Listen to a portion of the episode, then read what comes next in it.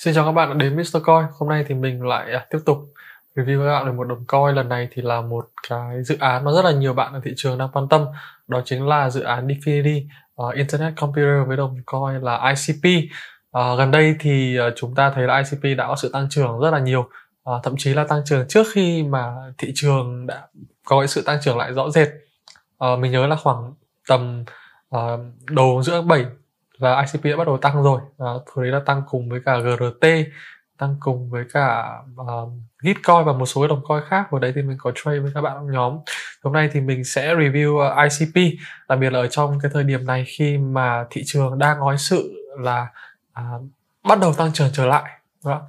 thì nhiều bạn sẽ rất là quan tâm liệu rằng có phải là thời điểm đẹp để mà đầu tư ICP hay không.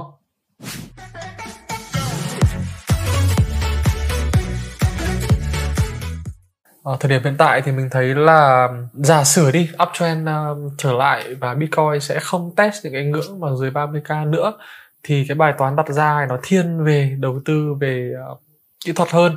Uh, ICP là một cái dự án uh, không phải là sinh ra chỉ để bán coin.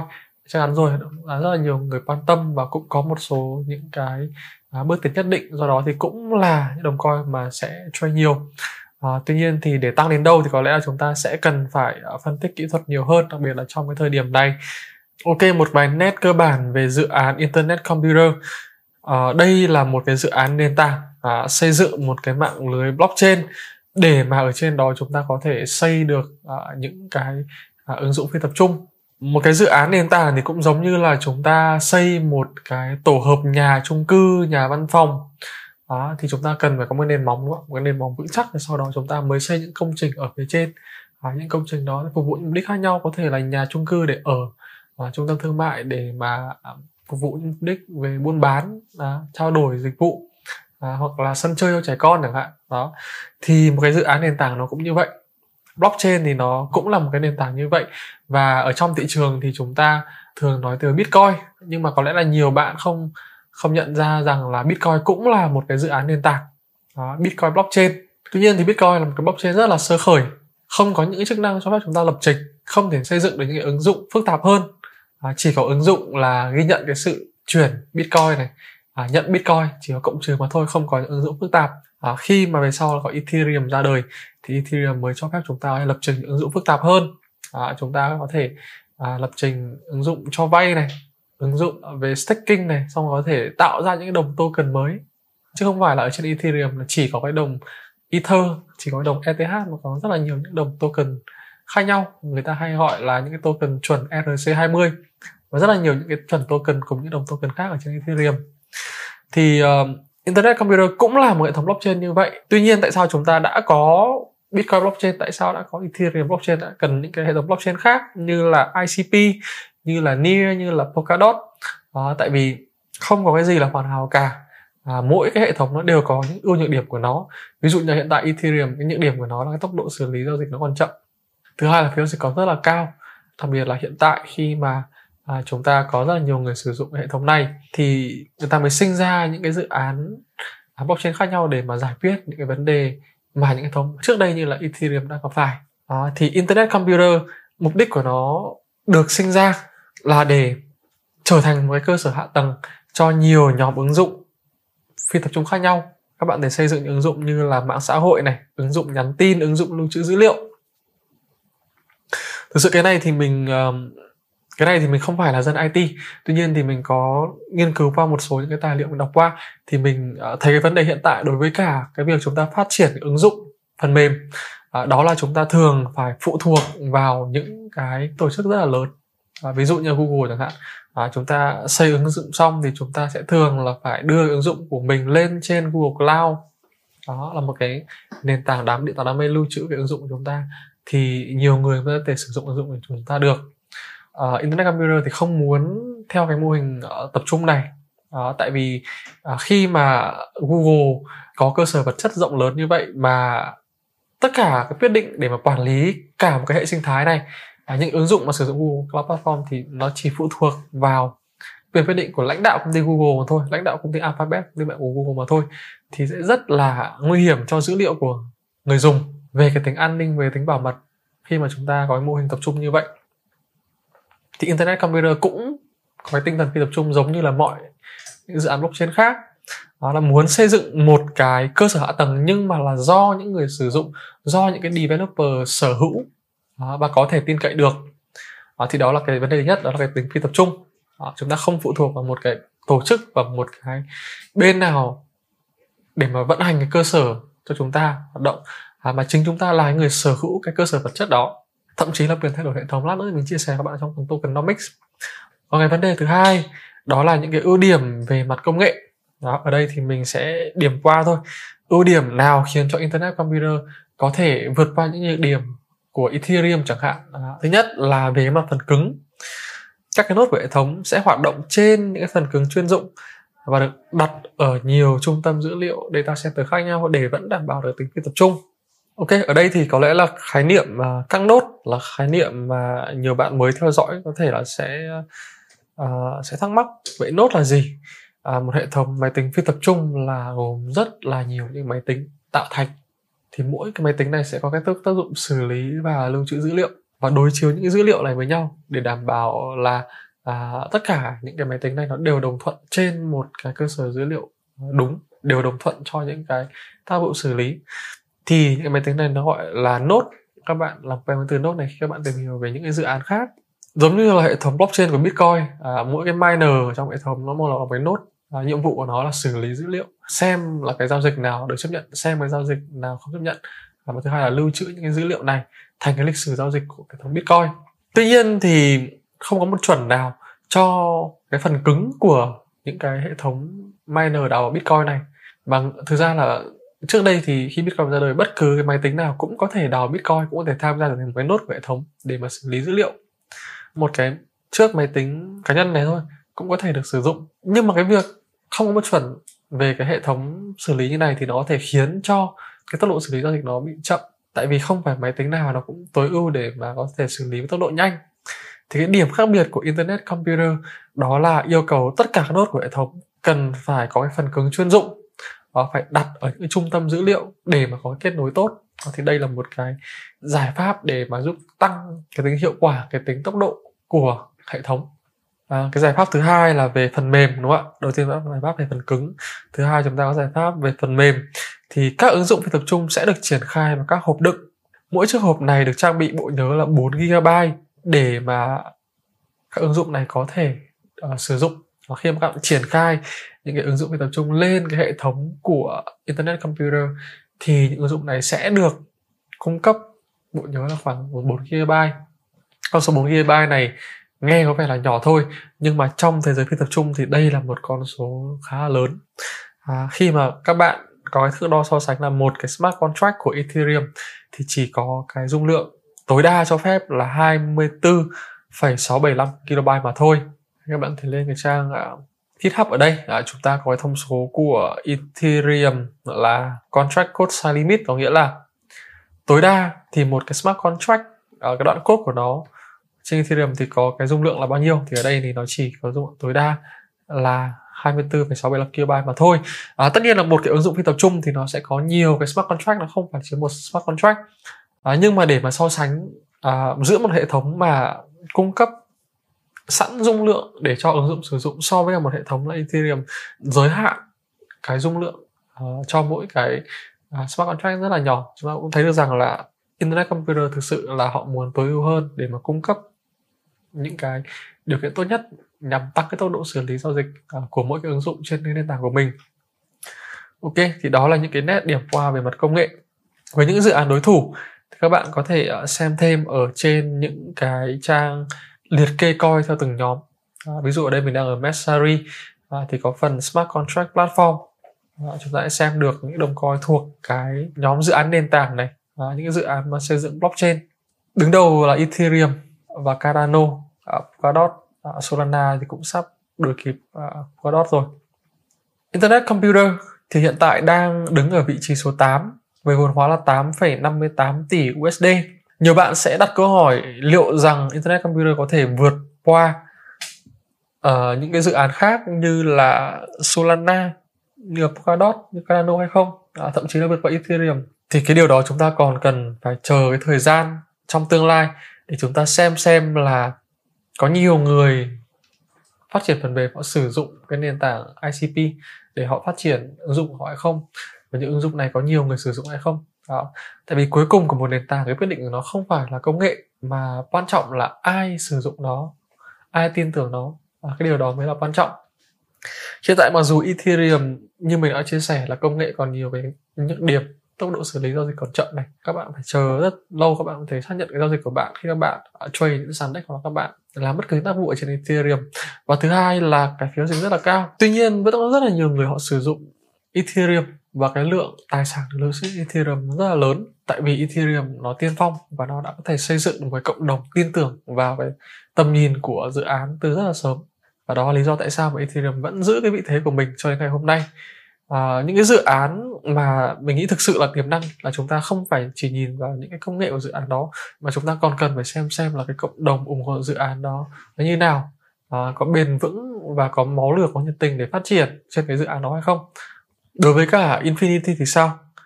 Ở đây thì mình đang ở trang ờ, uh, infinity.org và đã có những cái ứng dụng được xây dựng ở trên uh, Infinity rồi.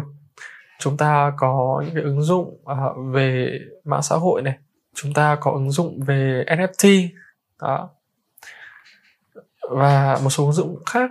À, tuy nhiên thì theo cái cảm nhận của mình thì đa phần những ứng dụng này à, được cái tài trợ phần lớn là từ cái tổ chức internet computer. Tài trợ chứ chưa phải thực sự là những ứng dụng do nhiều người trong cộng đồng họ lên đấy họ phát triển. Hiệu ứng mạng lưới rất là quan trọng. Chúng ta cần phải có thu hút được càng nhiều người lên phát triển hệ sinh thái chúng ta càng tốt và hiện tại thì mình thấy là các dự án họ đang cạnh tranh nhau về cái vấn đề này về cái mảng này.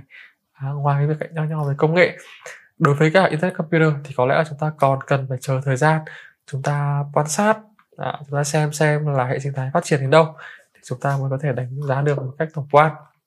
Các bạn thể lên cái trang này các bạn dùng thử những cái ứng dụng ở đây. Có cả game cho các bạn chơi rất là hay.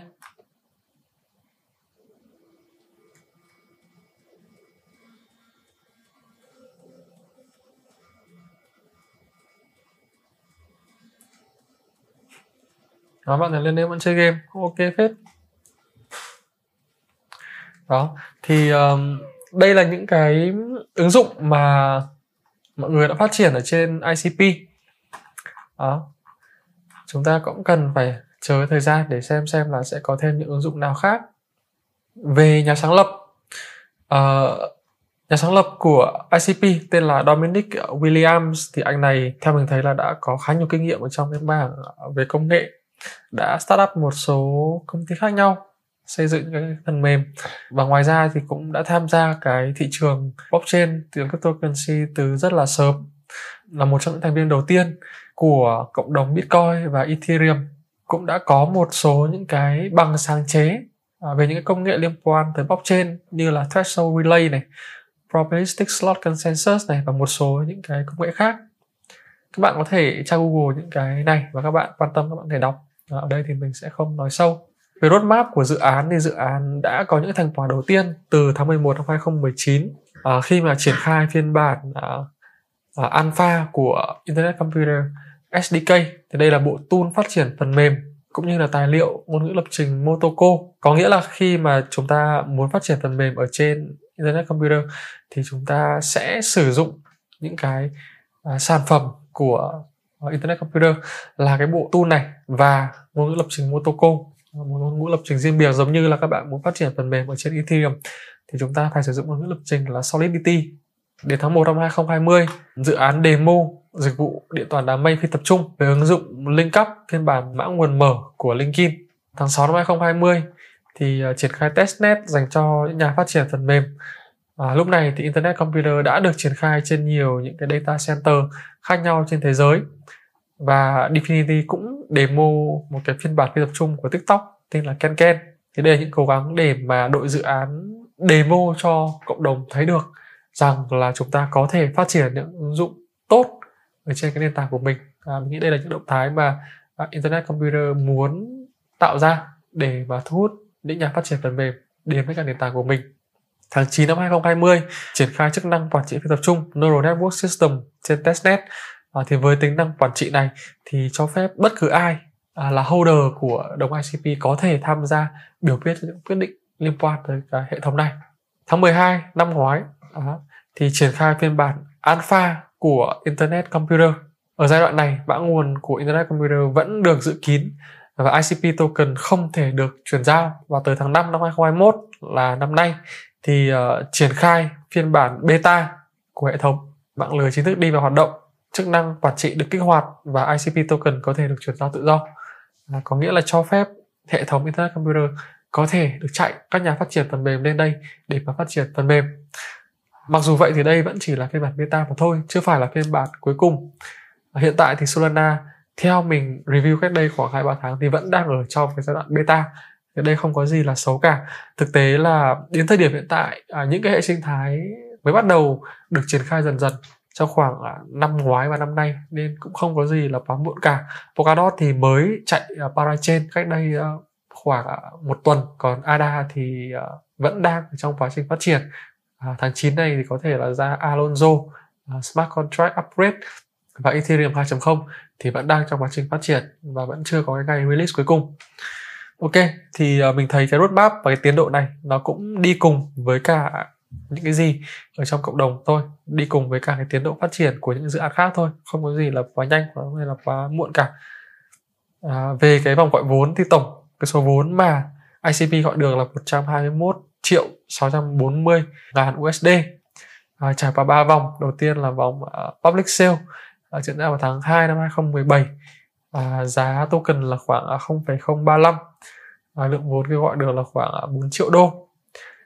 À, sang tháng 1 năm 2018 tiếp tục tổ chức một vòng gọi vốn chiến lược uh, strategic round giá token là 0,63 USD lượng vốn kêu gọi được là khoảng 20 triệu 500 ngàn USD Đó, tới tháng 8 à, tổ chức cái vòng pre-sale giá token đã tăng lên khá là nhiều tăng lên 4,17 USD và lượng vốn kêu gọi được là khoảng 97 triệu USD à, cho thấy là càng về sau thì dự án à, gọi được uh, thêm cái nguồn vốn của mình. Có thể là những nhà đầu tư họ tin tưởng vào tiềm năng của dự án có thể là họ thấy được cái cơ hội của thị trường cryptocurrency thấy được rằng thị trường cryptocurrency có thể pump thêm một lần nữa. Họ đầu tư và họ mua token à, để mà họ có thể à, bán sàn à, lát nữa thì mình sẽ phân tích kỹ thuật cho các bạn. Các bạn thấy được là khi mà ICP lên sàn à, Binance thì đã xả xuống rất là nhiều. Để mà những nhà đầu tư sớm chốt lời. Còn để mà đánh giá tiềm năng lâu dài của dự án thì chúng ta vẫn cần phải quan sát xem à, cái vấn đề cốt lõi đây là liệu ICP có thể thu hút được cái cộng đồng của mình nhiều hay không? Có thể xây dựng được cộng đồng lớn hay không? Đó thì đó mới là vấn đề mấu chốt về phân tích cơ bản. Về phân bổ nguồn cung chúng ta thấy là đa phần à, lượng token thì nằm trong tay nhà sáng lập và đội dự án và nhà đầu tư là 99% à, một phần trăm thì dành cho airdrop và phần thưởng cho cộng đồng. Giá token đối với nhà đầu tư uh, tổ chức qua vòng gọi vốn trên đây ta tính được cái giá trung bình của ICP token là 0,7 À, hiện tại thì giá token đã lên mức là khoảng 62,7 thì uh, mức tăng trưởng của giá token là khoảng à, uh, 88 lần, 87 88 lần. Cái mức lợi nhuận rất là ok. Về uh, vốn hóa và định giá hiện tại thì đang là khoảng à, 8,5 tỷ USD. À, so với cả cái mức uh, vốn gọi được là 120 triệu đô thì uh, đã tăng trưởng khoảng 7 can lần rồi. Cũng tăng trưởng rất là nhiều. Ok, về uh, vai trò của token. Uh, thì đầu tiên là như mình vừa chia sẻ như là quản trị hệ thống. Các bạn mà hold ICP các bạn có thể uh, biểu quyết cho các quyết định thay đổi hệ thống. Uh, giống như là các bạn ờ, hold uh, uh, cổ phiếu đi các bạn có quyền uh, biểu quyết uh, khi các bạn tham gia họp đại hội cổ đông. Thứ hai là làm việc hoạt động cho hệ thống internet computer. Thế đây thì có cái điểm khác biệt một chút so với cả những cái dự án khác. Uh, ICP thì có thể được chuyển đổi thành uh, cycle à, và các ứng dụng sẽ sẽ trả cycle như phí giao dịch cho các nốt của hệ thống. Chúng ta sẽ có hai bên. Thứ nhất là người sử dụng thứ hai là người cung cấp dịch vụ. Người cung cấp dịch vụ chính là những cái nốt những cái máy tính mà duy trì hệ thống. À, và người sử dụng thì có thể là chúng ta. À, chúng ta dùng những app của ICP chúng ta sẽ phải trả phí. À, hoặc là chúng ta được dùng miễn phí và những cái developer những cái người mà phát triển phần mềm sẽ trả thay cho chúng ta thì cái lượng phí này thì nó sẽ đi đi đến những nốt mà đang duy trì hệ thống. Và những phí này thì được trả bằng cycle. À, để mà có được cycle thì các bạn sẽ convert cái đồng ICP của các bạn thành cái cycle này. Và ngoài ra thì ICP cũng sẽ được sử dụng làm phần thưởng cho các thành viên của hệ sinh thái. Và dành cho những ai tham gia biểu quyết cho các đề xuất thay đổi hệ thống này. Và các bạn mà đi bầu cho các cái quyết định này các bạn cũng sẽ được thưởng. Và đây là hình thức khuyến khích để mọi người tham gia vào mọi người uh, cùng sở hữu mọi người cùng đóng góp cho hệ thống. À, thứ hai là dành cho những ai tham gia vận hành các nốt của hệ thống. Và thứ ba dành cho những thành viên khác của đóng góp cho hệ sinh thái internet computer. Và giống như là những cái dự án đây. À, khi mà phát triển phần mềm đầu tiên à, đặt nền móng cho hệ sinh thái thì chắc chắn là cũng sẽ được à, những cái phần thưởng à, để mà khuyến khích cho cái sự à, ủng hộ của mình cho hệ sinh thái các bạn cũng phải lưu ý ở đây đoạn này thì mình hơi miss một chút. Đó là cái nguồn cung của đồng ICP này nó là vô hạn à, không phải là hữu hạn.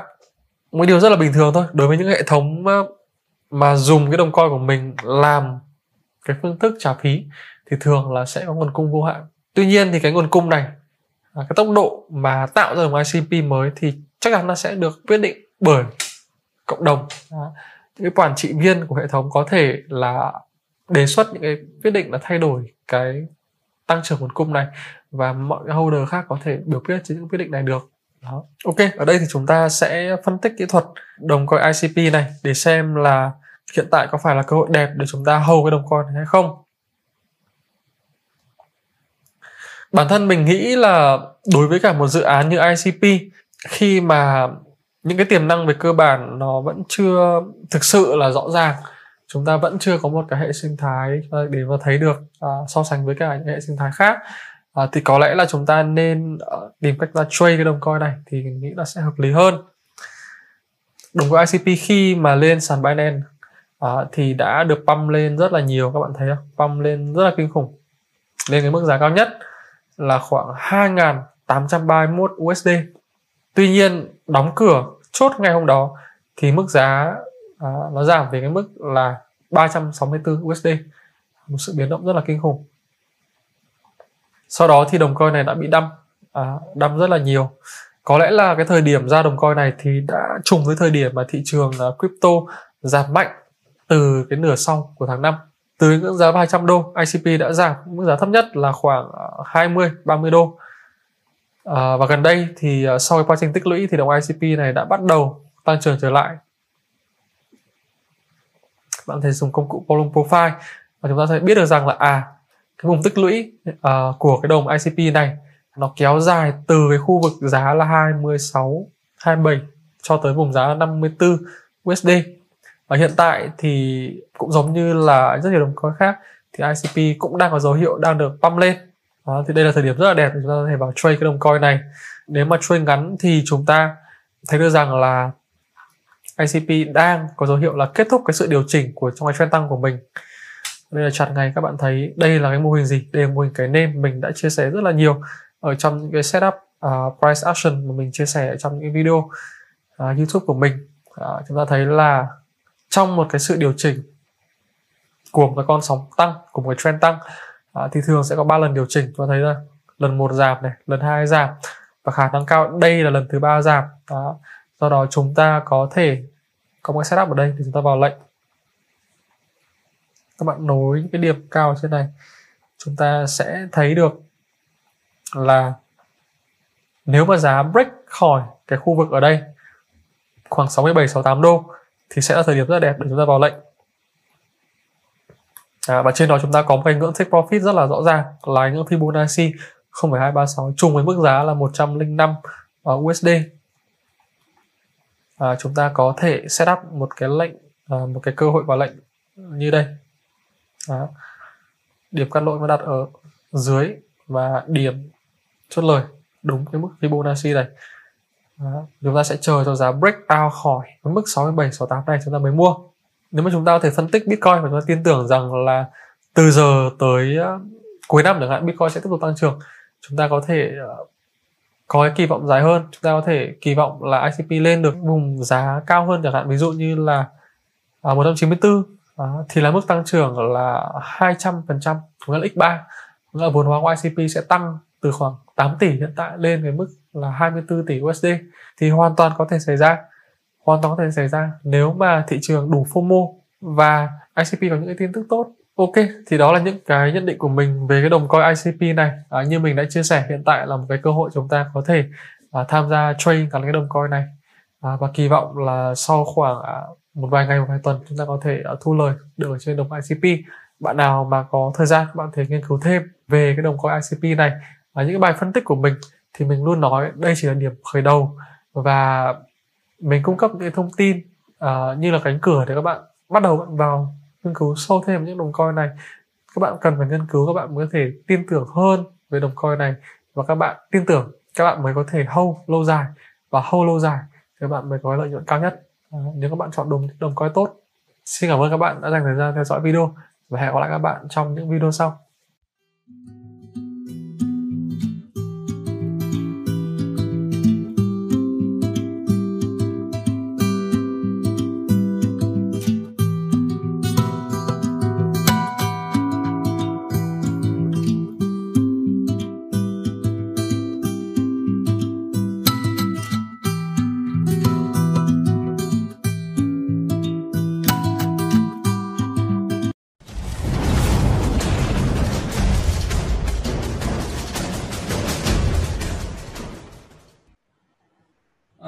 Tuần này chúng ta sẽ trao đổi với nhau về vấn đề về gồng lãi. Tuần sau thì um, chúng ta sẽ không ờ, không có chuyên đề nào nhé các bạn uh, bởi vì là tuần sau thì mình sẽ có lớp uh, về blockchain. Uh, hôm nay mình có gửi cái uh, giới thiệu đấy thì uh, bạn nào mà có nhu cầu học về blockchain và crypto thì uh, tuần sau uh, tuần sau thứ thứ sáu à thứ thứ bảy chủ nhật tuần sau thì mình sẽ có cái lớp uh, blockchain ở, ở ngoài Hà Nội uh, thông tin thì các bạn có thể vào cái uh, cái cái trang phimi.vn uh, ờ, ở trên đấy mình có mình có để cái sự kiện ở trên đó. Thì các cái bạn mà đã học cái khóa crypto 202 rồi thì sẽ được tham dự cái khóa về blockchain crypto này miễn phí. Khóa này thì mình rút gọn lại ngày xưa chúng ta học 3 ngày thì bây giờ mình mình sẽ mình sẽ tổ chức thành hai ngày thôi. Và chúng ta sẽ bỏ cái bảng chấm điểm đi vì là cái bảng chấm điểm bây giờ nó sẽ không còn thích hợp nữa sắp tới tôi sẽ ra cái version 2 cái bảng chấm điểm ICO dựa trên nền tảng ờ, ờ, uh, ATA các nano thì um, lúc đó chúng ta sẽ sẽ gặp nhau lại. Ok các bạn à, bây giờ là 8 giờ 35 à, chào mừng các bạn đến với cái chuyên đề uh, của thứ bảy tuần này. Uh, chúng ta sẽ nói chuyện với nhau cái chuyên đề về uh, gồng lãi. Uh, một chuyên đề nghe uh, rất là thú vị. Ờ, chuyên đề này thì mình được ờ, mình ờ, chia sẻ trong cái khóa học về tài chính đầu tư. Nhưng mà mình sẽ cắt nó ra thành một cái nội dung hôm nay mình sẽ nói chuyện với nhau. Hôm nay slide thì không có nhiều mình chỉ có khoảng độ 4 slide thôi nhưng mà nội dung trao đổi thì cũng sẽ cũng sẽ đi sâu vào vấn đề về lãi lỗ. À, đầu tiên thì chúng ta sẽ nói chuyện với nhau về cái chuyện là nhận diện cái chuyện gồng lãi là như thế nào. Vì đây một khái niệm là tương đối là mới chúng ta chỉ nghe cái chuyện gồng lỗ thôi hôm nào? Ờ, hiếm khi chúng ta nghe chuyện gồng lãi. Hôm nay chúng ta sẽ nhận diện cái chuyện là gồng lãi là như thế nào. Rồi ờ, chúng ta sẽ trao đổi với nhau cái chuyện là gồng lãi, gồng lỗ ờ, thì nó khác nhau thế nào và cái nào thì nó sẽ dễ hơn. Tôi sẽ chia sẻ mọi người kiến thức về mặt học thuật cũng như là về mặt thực tiễn. Gồng lãi thì khó hay là dễ? Vâng, thì chúng ta cũng sẽ nói nội dung đó. Và đặc biệt là cái phần 4 thì mình muốn chia sẻ cái kinh nghiệm của cá nhân mình. Cái chuyện là nếu mà các anh chị mà tham gia đầu tư tài chính ấy, thì làm sao để mình gồng lãi một cách hiệu quả? À, vì là bản thân mình à, cũng có nhiều cái bài học về cái chuyện là gồng lãi kém thì nó để lại những hệ quả gì? Và cuối cùng thì à, cũng chia sẻ cái chuyện là ứng dụng thực tiễn. Ứng dụng thực tiễn ờ, cái chuyện mà các cái lý thuyết mà mình trao đổi hôm nay về cái chuyện gồng lãi và thực tế thì nó như thế nào? Đặc biệt là ứng dụng ở trong thị trường crypto ờ, với một số cái cái đồng crypto cụ thể. Vâng, thì ờ, mình sẽ sẽ sẽ, sẽ chia sẻ thông tin như vậy. Các cái buổi uh, chia sẻ như này thì uh, thường xuyên mình được cập nhật trên cái phần uh, fimi.vn sự kiện ấy. đây là trang web chính thức của mình uh, thường xuyên cập nhật các cái sự kiện mà mình tổ chức uh, thay đổi các cái nội dung đó thì mình cũng sẽ cập nhật trên đấy. Các bạn chịu khó lên đấy uh, tìm hiểu nha uh, ngoài ra thì uh, các cái buổi chia sẻ này thì sẽ sẽ được uh, record lại và up lên kênh uh, tài chính tâm an. Cho nên là các cái buổi mà thứ bảy thì các bạn không phải à, mất công ghi lại video làm gì cả bởi vì đằng nào mình sẽ biên tập nó xong mình mình up lên mạng thôi thì các bạn cứ chạy vào cái trang youtube uh, tài chính các bạn thì chúng ta sẽ sẽ sẽ có nội dung trên đó. Rồi bây giờ chúng ta sẽ đi vào cái chuyên đề uh, tối ngày hôm nay. Chúng ta sẽ trao đổi với nhau chuyên đề về uh, gồng lãi. Uh, đầu tiên thì um, chúng ta sẽ nhận diện đã.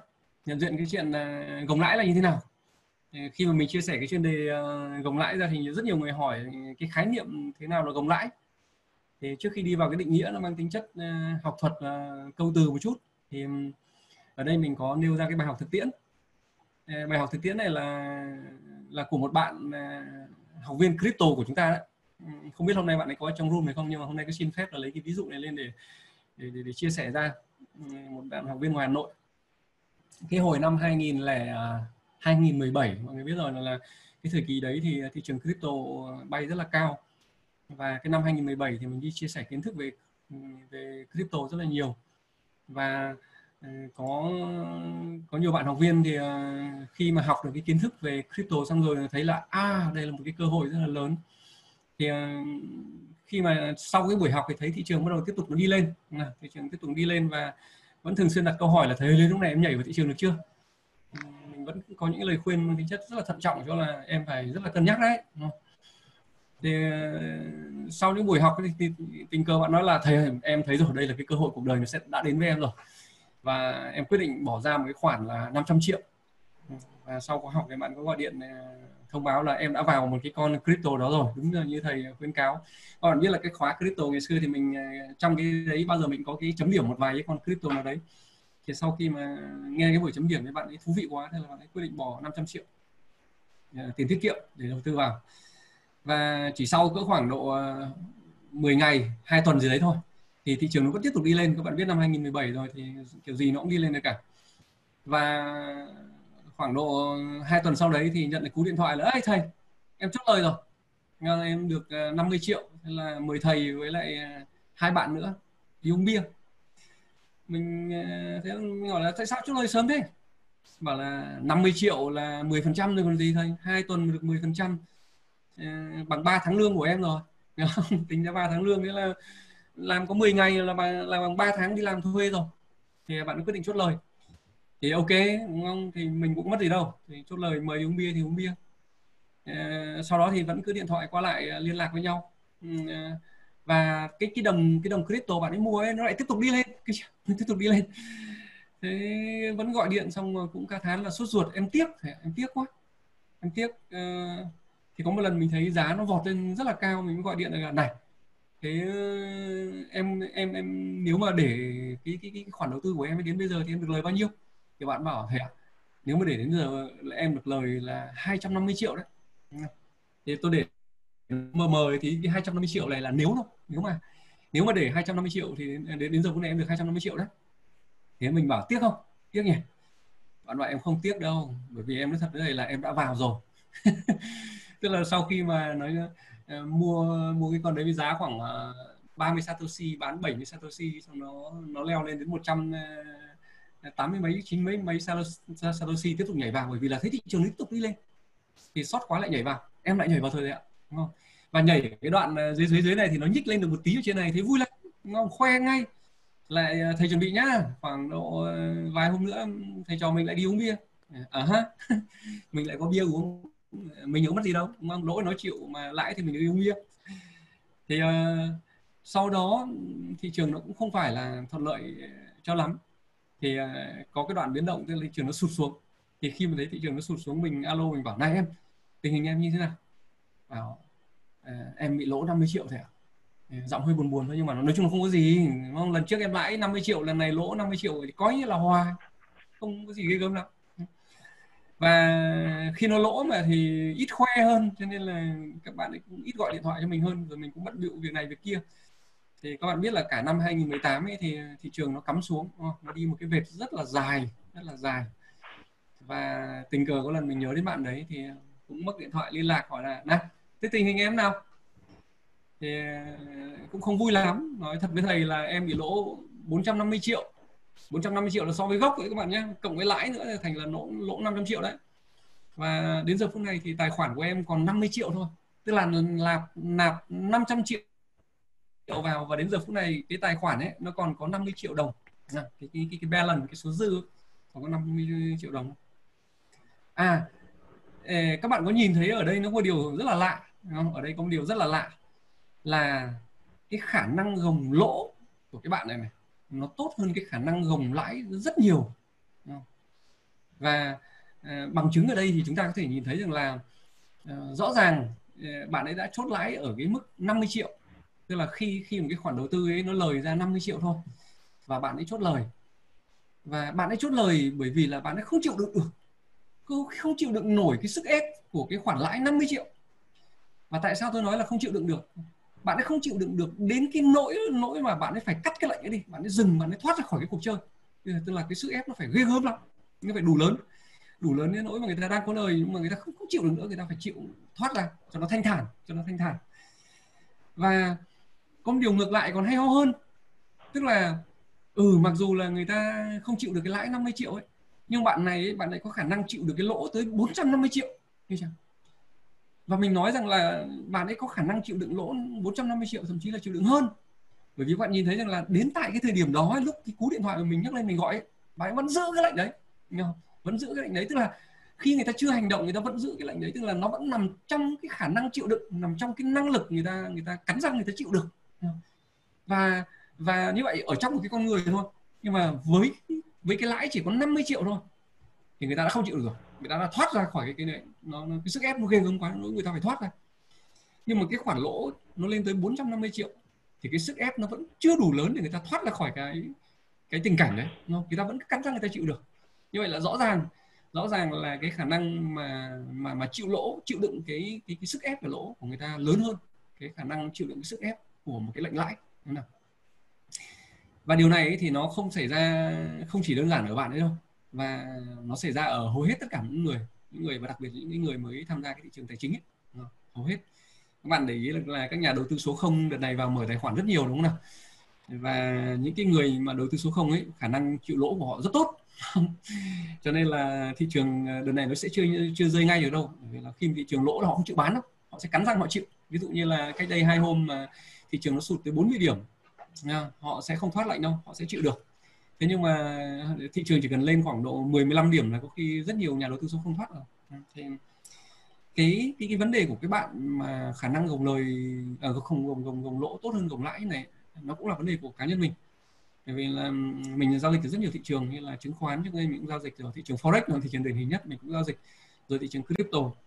Cái này thấy rõ nhất trong thị trường ờ, forex ví dụ là cứ mua đặt vào một lệnh ờ, có khi nó chỉ nhích lên khoảng độ một đô hai ba đô là mình đã chốt rồi thì cứ nhẩm đi nhẩm lại là thôi thì ngày ăn 10 lệnh 10 đô 20 30 đô cũng được. Thế nhưng mà có một lệnh lỗ có khi mình gồng gồng đến đến đến đến mức là hết margin của tài khoản luôn. Mình sẵn sàng mình làm cái chuyện như thế. Thêm, đây là cái đặc tính mà mà rất nhiều nhà đầu tư, rất nhiều người không nhận ra. Khả năng lỗ thì cắn răng chịu đựng. Và lát nữa chúng ta sẽ phân tích lý thuyết ừ, tại sao lại như thế. Vẫn cái bạn này nhé vẫn cái bạn này tức là khi mà thị trường nó đi ngang loay hoay loay hoay một thời gian nó loay hoay, loay cái đồng crypto bạn ấy mua, loay hoay đi ngang một thời gian. Thế sau đó nó bị vọt lên nó vọt lên cao, vượt qua cái đỉnh cũ. Thì mình mới chợt nhớ đến bạn đấy mình mới nhắc điện thoại gọi là ớt này, tình hình nào? Nó vọt lên thì kia là em có lời to rồi. Thì bạn ấy bảo là, không thể ạ, em thoát ra rồi. Em thoát ra khi mà tài khoản em lỗ đến mức sâu nhất là còn có 50 triệu thì đến mức mà nó hồi lại ấy, tài khoản của bạn nó hồi lại trong cái tài khoản là còn 250 triệu nữa thì bạn nhầm là ô như vậy là mình nhân năm rồi. Như vậy là từ 50 triệu đến 250 triệu là mình x năm rồi. X năm rồi. Thế là bạn ấy thoát bạn ấy thoát bạn. Và mình bảo là ô này thế sao em không giữ? Em giữ đến bây giờ thì chắc cũng được nhiều tiền đấy nhỉ?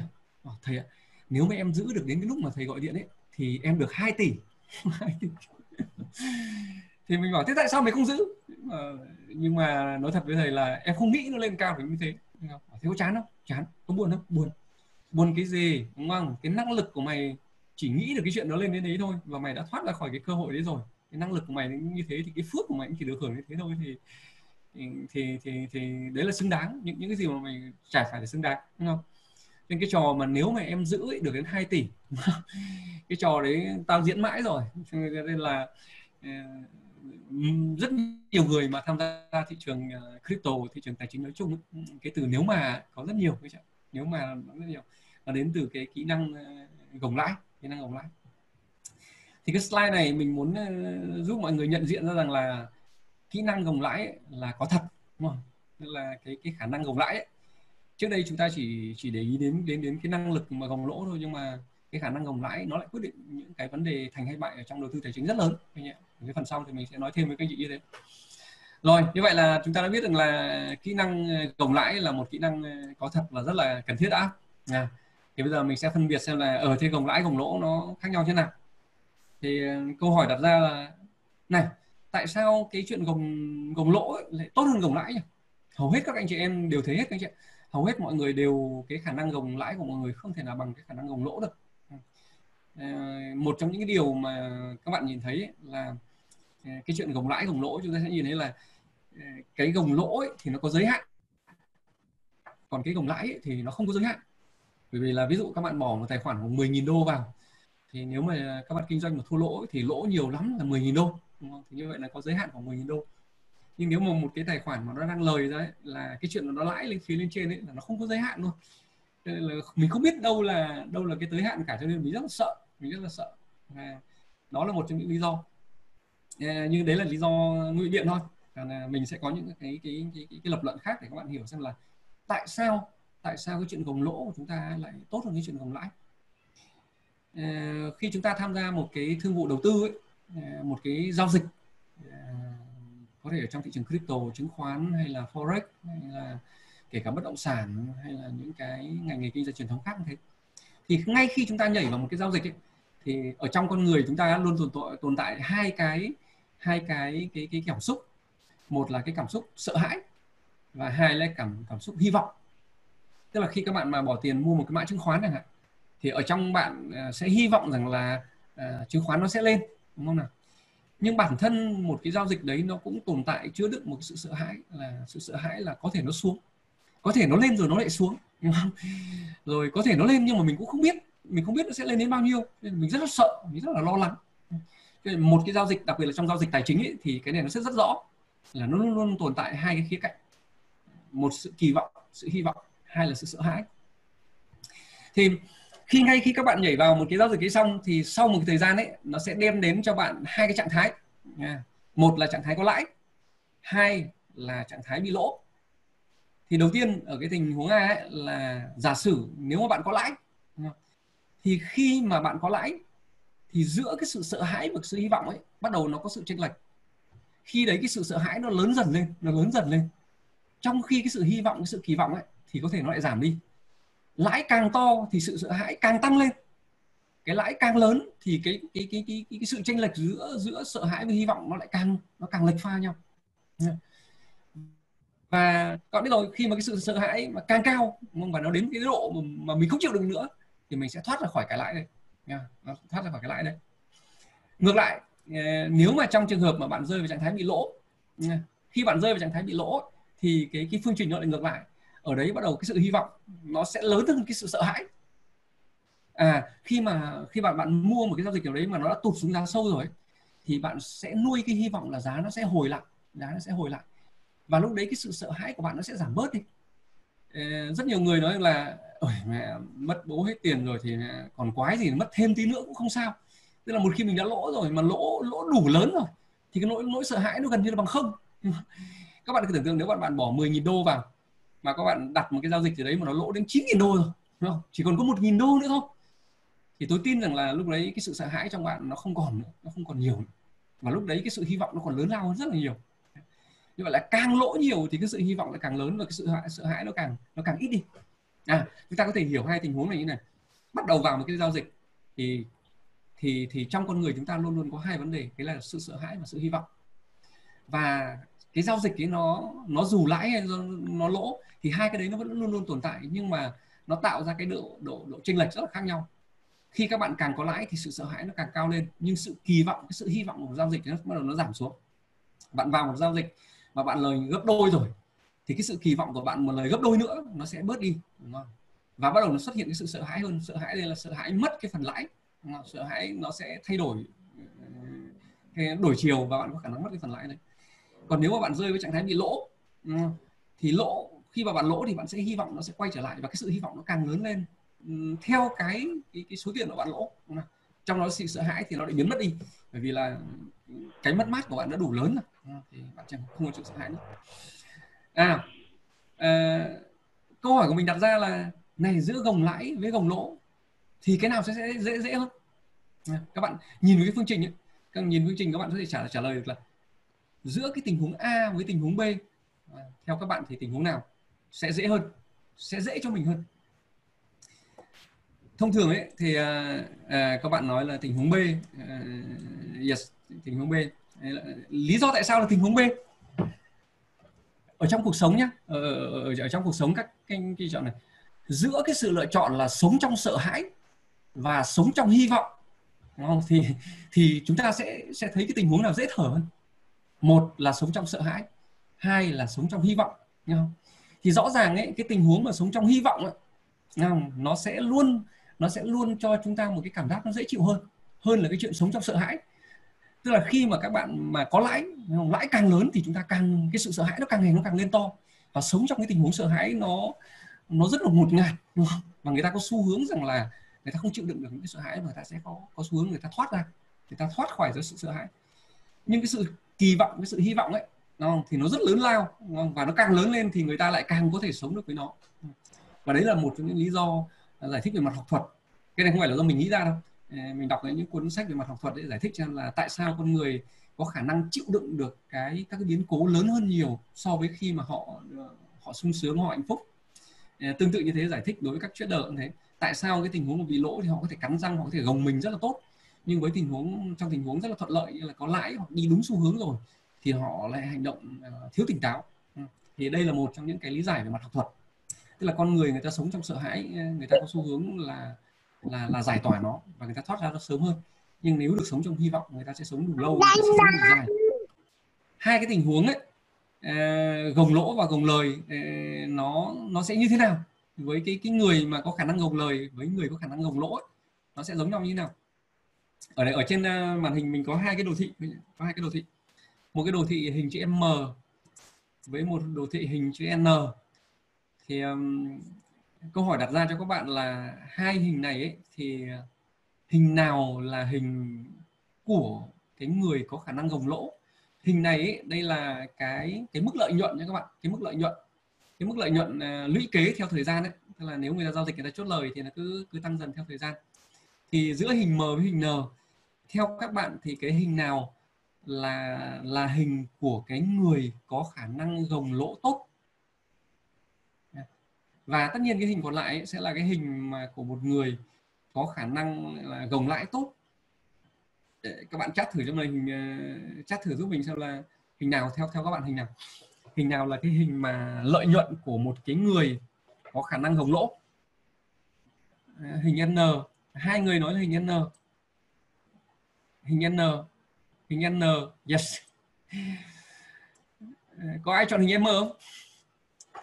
Gồng lỗ nhé các bạn nhé. Gồng lỗ. À có một bạn nói hình M yes.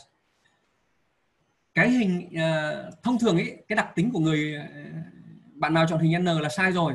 Không? để mình phân tích cho các bạn thế này. Cái đặc tính của người gồng gồng lỗ tốt ấy là họ không chịu đựng được lãi. Cho nên là cứ lãi thì họ cắt cứ lãi họ cắt cứ lãi họ cắt đúng không? Và nó chính là cái hình M tức là cứ lãi một chút họ chốt lời cứ lãi một chút họ chốt lời cứ lãi một chút họ chốt lời là lãi một chút họ chốt đúng không? Và nếu lỗ thì họ cố gắng gồng các chị ạ. Lỗ thì họ cố gắng gồng. Và à, gồng ấy tất nhiên họ không thể gồng vô biên cương họ chỉ gồng ở trong cái năng lực họ có rồi ví dụ cái số dư của tài khoản đấy hoặc là họ có thể đặt stop loss nhưng stop loss đủ lớn. Cho nên là cái cái cái đồ thị mà đặc trưng của cái người khả năng gồng lỗ tốt ấy là là cái đồ thị nó cứ tăng đều đều đều đều, đều lâu lâu nó lại sụt một phát như này các chị ạ nó lại sụt phát tức khả năng chịu đựng lỗ của họ to. Thì thì các anh chị sẽ nhìn thấy trên đồ thị là những cái lần lỗ to ấy, là những lần nó chạm là cái ngưỡng và và nó tới hạn nó tới hạn. Và cái đồ thị M đấy là đồ thị đặc điểm của những người mà gồng lỗ tốt gồng lỗ tốt. Còn cái đồ thị của N ấy là cái đồ thị của những cái người mà có khả năng gồng lãi tốt. Gồng lãi tốt ấy thì cho nên là họ kỳ vọng cái lãi phải thật cao họ mới chốt còn cái lãi thấp thấp họ không chốt. À, gồng lãi tốt mà. Cho nên là có những trường hợp mà lãi một chút họ không chốt thì quay sang lỗ. À, nó lỗ thì họ lại cắt. Cho nên là nó cứ cắt cắt cho nên cứ cắt theo thời gian thì có thể cái cái cái cái cái, cái, cái trạng thái đầu tư của họ nó cứ lỗ lỗ lỗ lỗ lỗ. Và lâu lâu họ có một khoản lời rất lớn thì nó lại vọt cái cái cái, cái khoản lợi nhận lên. Và cái đồ thị nó cứ như thế. Và những cái thằng mà gồng lỗ lời gồng gồng lỗ tốt ấy nó có đặc tính là như này này. À, cái cái lâu lâu lâu mà nó bị sụt một cái như này này thì quan điểm của nó là lần đấy là do mình đen thôi đúng không? Không dính phát đấy là thì kiểu gì mình cũng có lời.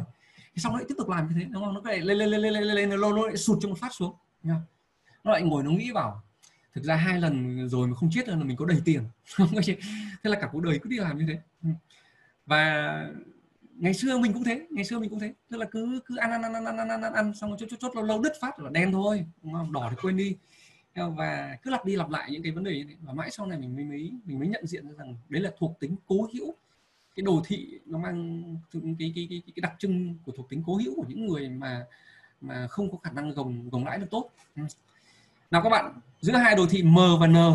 Ừ, bây giờ nói về trạng thái đi. Giữa hai đồ thị m và n à, nếu được chọn trạng thái thì các bạn sẽ thấy rằng là đồ thị nào sẽ đem lại một cái trạng thái mà nó dễ chịu hơn nó dễ chịu hơn ở trong cuộc sống. Ở đây mình giả thử nhé mình giả sử với đồ thị là hai người đều bắt đầu bằng số 0 sau một thời gian giao dịch ấy là họ đều hòa vốn. Nhớ này tức là tóm lại là không có lời gì cả. Sau những cú lãi xong cú lỗ. Cái người thứ hai gồng lãi tốt cũng là lời. À, ban đầu lỗ lỗ lỗ. Sau đó sau đó cuối cùng lại cũng có một cú lãi. Và và cuối cùng cả hai người đều hòa vốn.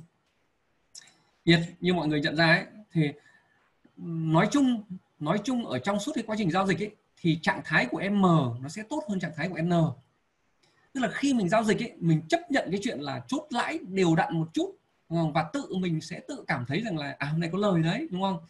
Và vẫn thích hơn đúng không? Vẫn, vẫn vẫn vẫn là phê hơn. Nhưng mà nếu mà các bạn giao dịch ở trạng thái mà gồng lỗ ấy, là gồng lãi ấy, thì bạn sẽ có cái đồ thị ở dạng hình chữ N và giao dịch một cái đồ dạng hình chữ N ấy rất là stress các bạn.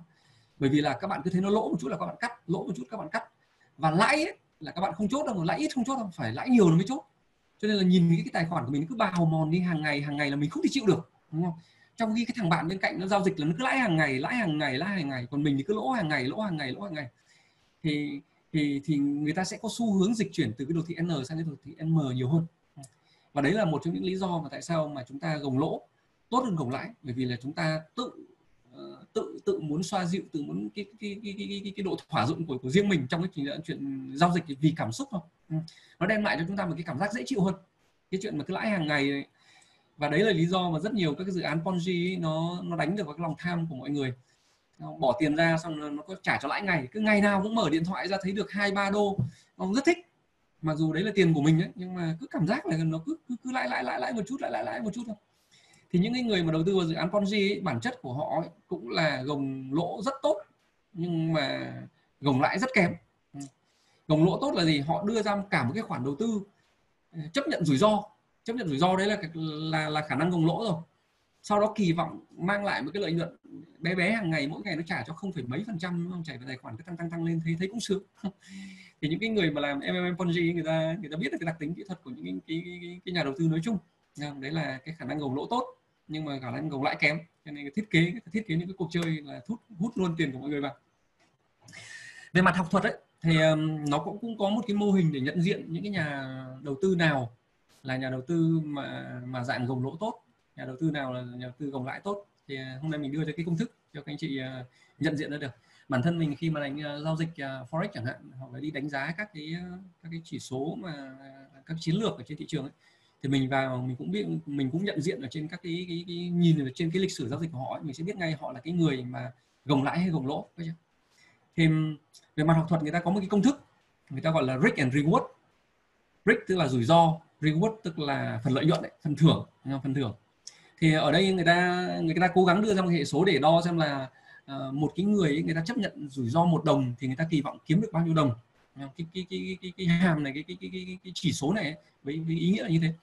Thì với những người mà gồng lỗ tốt ấy thì thông thường ấy là cái tỷ lệ risk tức là cái tỷ lệ rủi ro ấy, cái cái cái cái, cái con tham số thứ nhất tính chính là tham số rủi ro nhé tham số thứ hai ờ, tạm hiểu như là tham số lợi nhuận. Như vậy là nếu họ gồng lỗ tốt ấy, thì cái khả cái cái cái cái, cái tham số đầu tiên ấy nó sẽ lớn hơn cái tham số thứ hai. Ở đây ví dụ mình lấy một tỷ lệ là 31 tức là có những nhà đầu tư là họ có thể chấp nhận lỗ 3 đồng nhưng mà một lần mà mà mà chốt lời thì họ chỉ kỳ vọng ăn một đồng thôi. Tức là cứ ăn thì ăn một đồng ăn một đồng. Ờ, cứ lời một đồng họ cắt cứ lời một đồng họ cắt nhưng mà họ sẵn sàng là phải lỗ ba đồng thì họ mới họ mới chấp nhận chịu chịu lỗ. Ừ. Thì những người mà làm như thế những người mà có tỷ lệ risk cao hơn cái tỷ lệ reward ấy, ờ, thì đó là những cái người mà có khả năng gồng lỗ tốt. Ờ. Thì bây giờ các bạn mà giao dịch chứng khoán hay là giao dịch về forex hay là giao dịch về crypto cũng thế. Các bạn bây giờ cứ lấy toàn bộ những cái lệnh mà các bạn giao dịch ấy. Sau đó các bạn tính bình quân ra xem là một lệnh lỗ thì bạn lỗ bao nhiêu một lệnh lãi thì bạn lãi bao nhiêu cứ tính bình quân ra đã tính tính tính vo như thế thôi. Thì nếu mà cái tỷ lệ bình quân của lệnh lỗ lớn hơn tỷ lệ bình trung bình của cái lệnh lãi thì như vậy bạn là cái người gồng lỗ tốt. À, mọi người hình dung như này không ạ? Tức là đây là một cái tỷ lệ đánh giá xem là bạn là người gồng lỗ hay là người gồng lãi. Nhưng đơn giản là thống kê toàn bộ các lệnh giao dịch của các bạn lại. Tính bình quân ra trên một lệnh. À, lỗ tức là tổng các lệnh lỗ vào tính bình quân ra xem là một lệnh lỗ thì bạn lỗ bao nhiêu tiền? Tính bình quân lệnh lãi xem là một lệnh lãi thì bạn lãi bao nhiêu tiền? Thì nếu mà bình quân của lệnh lỗ mà lớn hơn bình quân của lệnh lãi thì bạn là người gồng lỗ tốt. Và mình tin rằng là nếu mà các anh chị em cứ về thống kê mà xem thì khoảng độ 90% trong số chúng ta là những người gồng lỗ tương đối tốt. Rồi còn cái người gồng lãi tốt ấy thì họ có một tỷ lệ ngược lại. Tức là tính trung bình cái lệnh ra ấy, thì cái cái cái cái cái, cái, cái số tiền hoặc là cái cái giá trị mà họ lỗ ấy, thì nó thấp hơn trung bình của cái, cái, cái những cái lệnh mà họ lãi tức là tổng các lệnh lãi tính bình quân vào. Ở đây ờ, có tỷ lệ phổ biến ở trong cái lĩnh vực forex đó là một ba. Một ba tức là nếu lỗ tôi chỉ chấp nhận lỗ một đồng thôi nhưng đã ăn phải ăn ba đồng. Và những cái người mà gồng lỗ tốt theo tỷ lệ một ba họ sẽ có cái đồ thị thì họ sẽ có đồ thị giống n. Mà gồng lỗ tốt ấy, họ sẽ có đồ thị đồ thị là giống là giống là giống là n m. Thì ờ, đây là cái chỉ số mà dùng để đánh giá mỗi nhà đầu tư các bạn cứ về các bạn ờ, thử đánh giá các cái, cái số liệu của bạn cho mà xem. Ờ, thử, thử giao dịch đặc biệt là những bạn đánh forex hoặc là những bạn đánh crypto thì sẽ có cái lịch sử của giao dịch của mình rồi. Lấy cái lịch sử ra để mà thống kê lại bạn đánh chứng khoán cũng thế rồi thậm chí cả những người giao dịch bất động sản các bạn thử thống kê tất cả những cái những cái thương vụ bất động sản của các bạn làm xem. Xem là có những cái vụ mà bạn cắt lỗ thì bạn lỗ bao nhiêu còn những cái vụ mà bạn uh, chốt lời lời bao nhiêu tính bình quân nó ra xem một thương vụ như thế. Nếu một cái tỷ lệ mà uh, cắt lỗ mà nó lớn hơn tỷ lệ chốt lời thì uh, chứng tỏ các bạn là cái người mà gồng lỗ tương đối tốt ở trên thế giới hiện nay ấy thì ừ, bây giờ câu hỏi đặt ra là thế thì những người nào thì thường đem lại xác suất thành công ờ, thắng ờ, cái khả năng thành công cao hơn? Thì về mặt học thuật ấy thì những cái người mà có khả năng gồng lỗ tốt ấy, à gồng gồng gồng lại tốt ấy, thì đem lại cái lợi thế thành thành công lớn hơn rất nhiều. Thông thường thì các nhà đầu tư bị một cái một cái vết xe đổ là họ cứ nhìn cái số lệnh số lần mà mình lỗ ấy, là họ họ rất là bị stress họ rất là căng thẳng nhưng mà các bạn nhớ là trong cái cuộc chơi đầu tư về tài chính ấy, à, thành hay bại không phải là số lần thắng mà thành hay bại là số tiền các bạn thắng được. Cho nên các bạn có thể lỗ 99 lần nhưng mà chỉ cần một lần thành công à, mà thành công đủ lớn. Thì thì đấy cũng là một cái thương vụ đầu tư mà mà ờ, mà gọi là thành công được. Cho nên là người ta không quan tâm về số lần. Còn những cái người mà đầu tư kém kinh nghiệm ấy, thì cứ quan tâm một cái số lần cứ, cứ số lần thắng là được đủ để để để, để cảm thấy cho mình vui. Ở đây mình có một cái ví dụ cụ thể nhé nếu các bạn có một công thức gồng lãi tốt là một ba thì về mặt lý thuyết ấy, nếu các bạn gồng lãi được ờ, một ba nếu bạn có khả năng gồng gồng gồng gồng, gồng lãi là là một ba tức là lỗ chỉ lỗ một đồng mà lãi là lãi ba đồng ấy thì về mặt lý thuyết là bạn có thể lỗ tới 70% và các bạn chỉ lãi có 30% thôi nhưng bạn vẫn có lời. Tức là bạn đánh 100 lệnh bạn lỗ 70 lệnh bạn chỉ có lời 30 lệnh thôi. Ờ, thì thì tiệu chung lại, cuộc chơi bạn vẫn thắng. Bởi vì là mỗi một lần lỗ bạn chỉ lỗ có một đồng. Nhân 70 lệnh lỗ thì chỗ này mình lỗ có 70 đồng. Và mình chỉ lãi có ba ba mươi phần trăm thôi, tức là 30 lệnh. Và mỗi lần lãi mình lãi 3 đồng thôi, nhưng mà chỗ này mình cộng được 90 đồng. Như vậy nếu mà bạn có tỷ lệ 1 3 thì bạn có thể được phép lỗ tới 70 lần, thì bạn vẫn có lời tới 20 đồng. Đúng không? thì cho nên là ở trong cái lĩnh vực giao dịch tài chính thì người ta đánh giá cao những cái chiến lược hoặc là những cái người mà mà khả năng gồng lỗ nó nó nó, nó thấp và khả năng gồng lãi tốt. Thì khả năng gồng lãi tốt nó đem lại những cái lợi thế hơn rất nhiều. Ờ, ở trong các game khác cũng thế ví dụ như game poker hoặc là những cái game ờ, game bài mình đánh ở ngoài bình thường thì cái khả năng gồng lãi của bạn các bạn tốt thì cái hệ số risk and reward của bạn tốt thì nó đem lại lợi thế ờ, tốt hơn cho các bạn rất nhiều. Ừ. Thì uh, như vậy là hai cái slide thì mình muốn một là các bạn nhận diện xem là uh, rõ ràng là cái, cái trong cuộc sống này ngoài cái chuyện gồng lãi thì nó có một phần gồng lỗ và mình cũng phân tích cho các bạn xem là cái sự sự khác nhau giữa gồng lãi và gồng lỗ thì nó khác nhau như thế nào và làm thế nào để đánh giá xem mình là người ờ, gồng lãi hay gồng lỗ.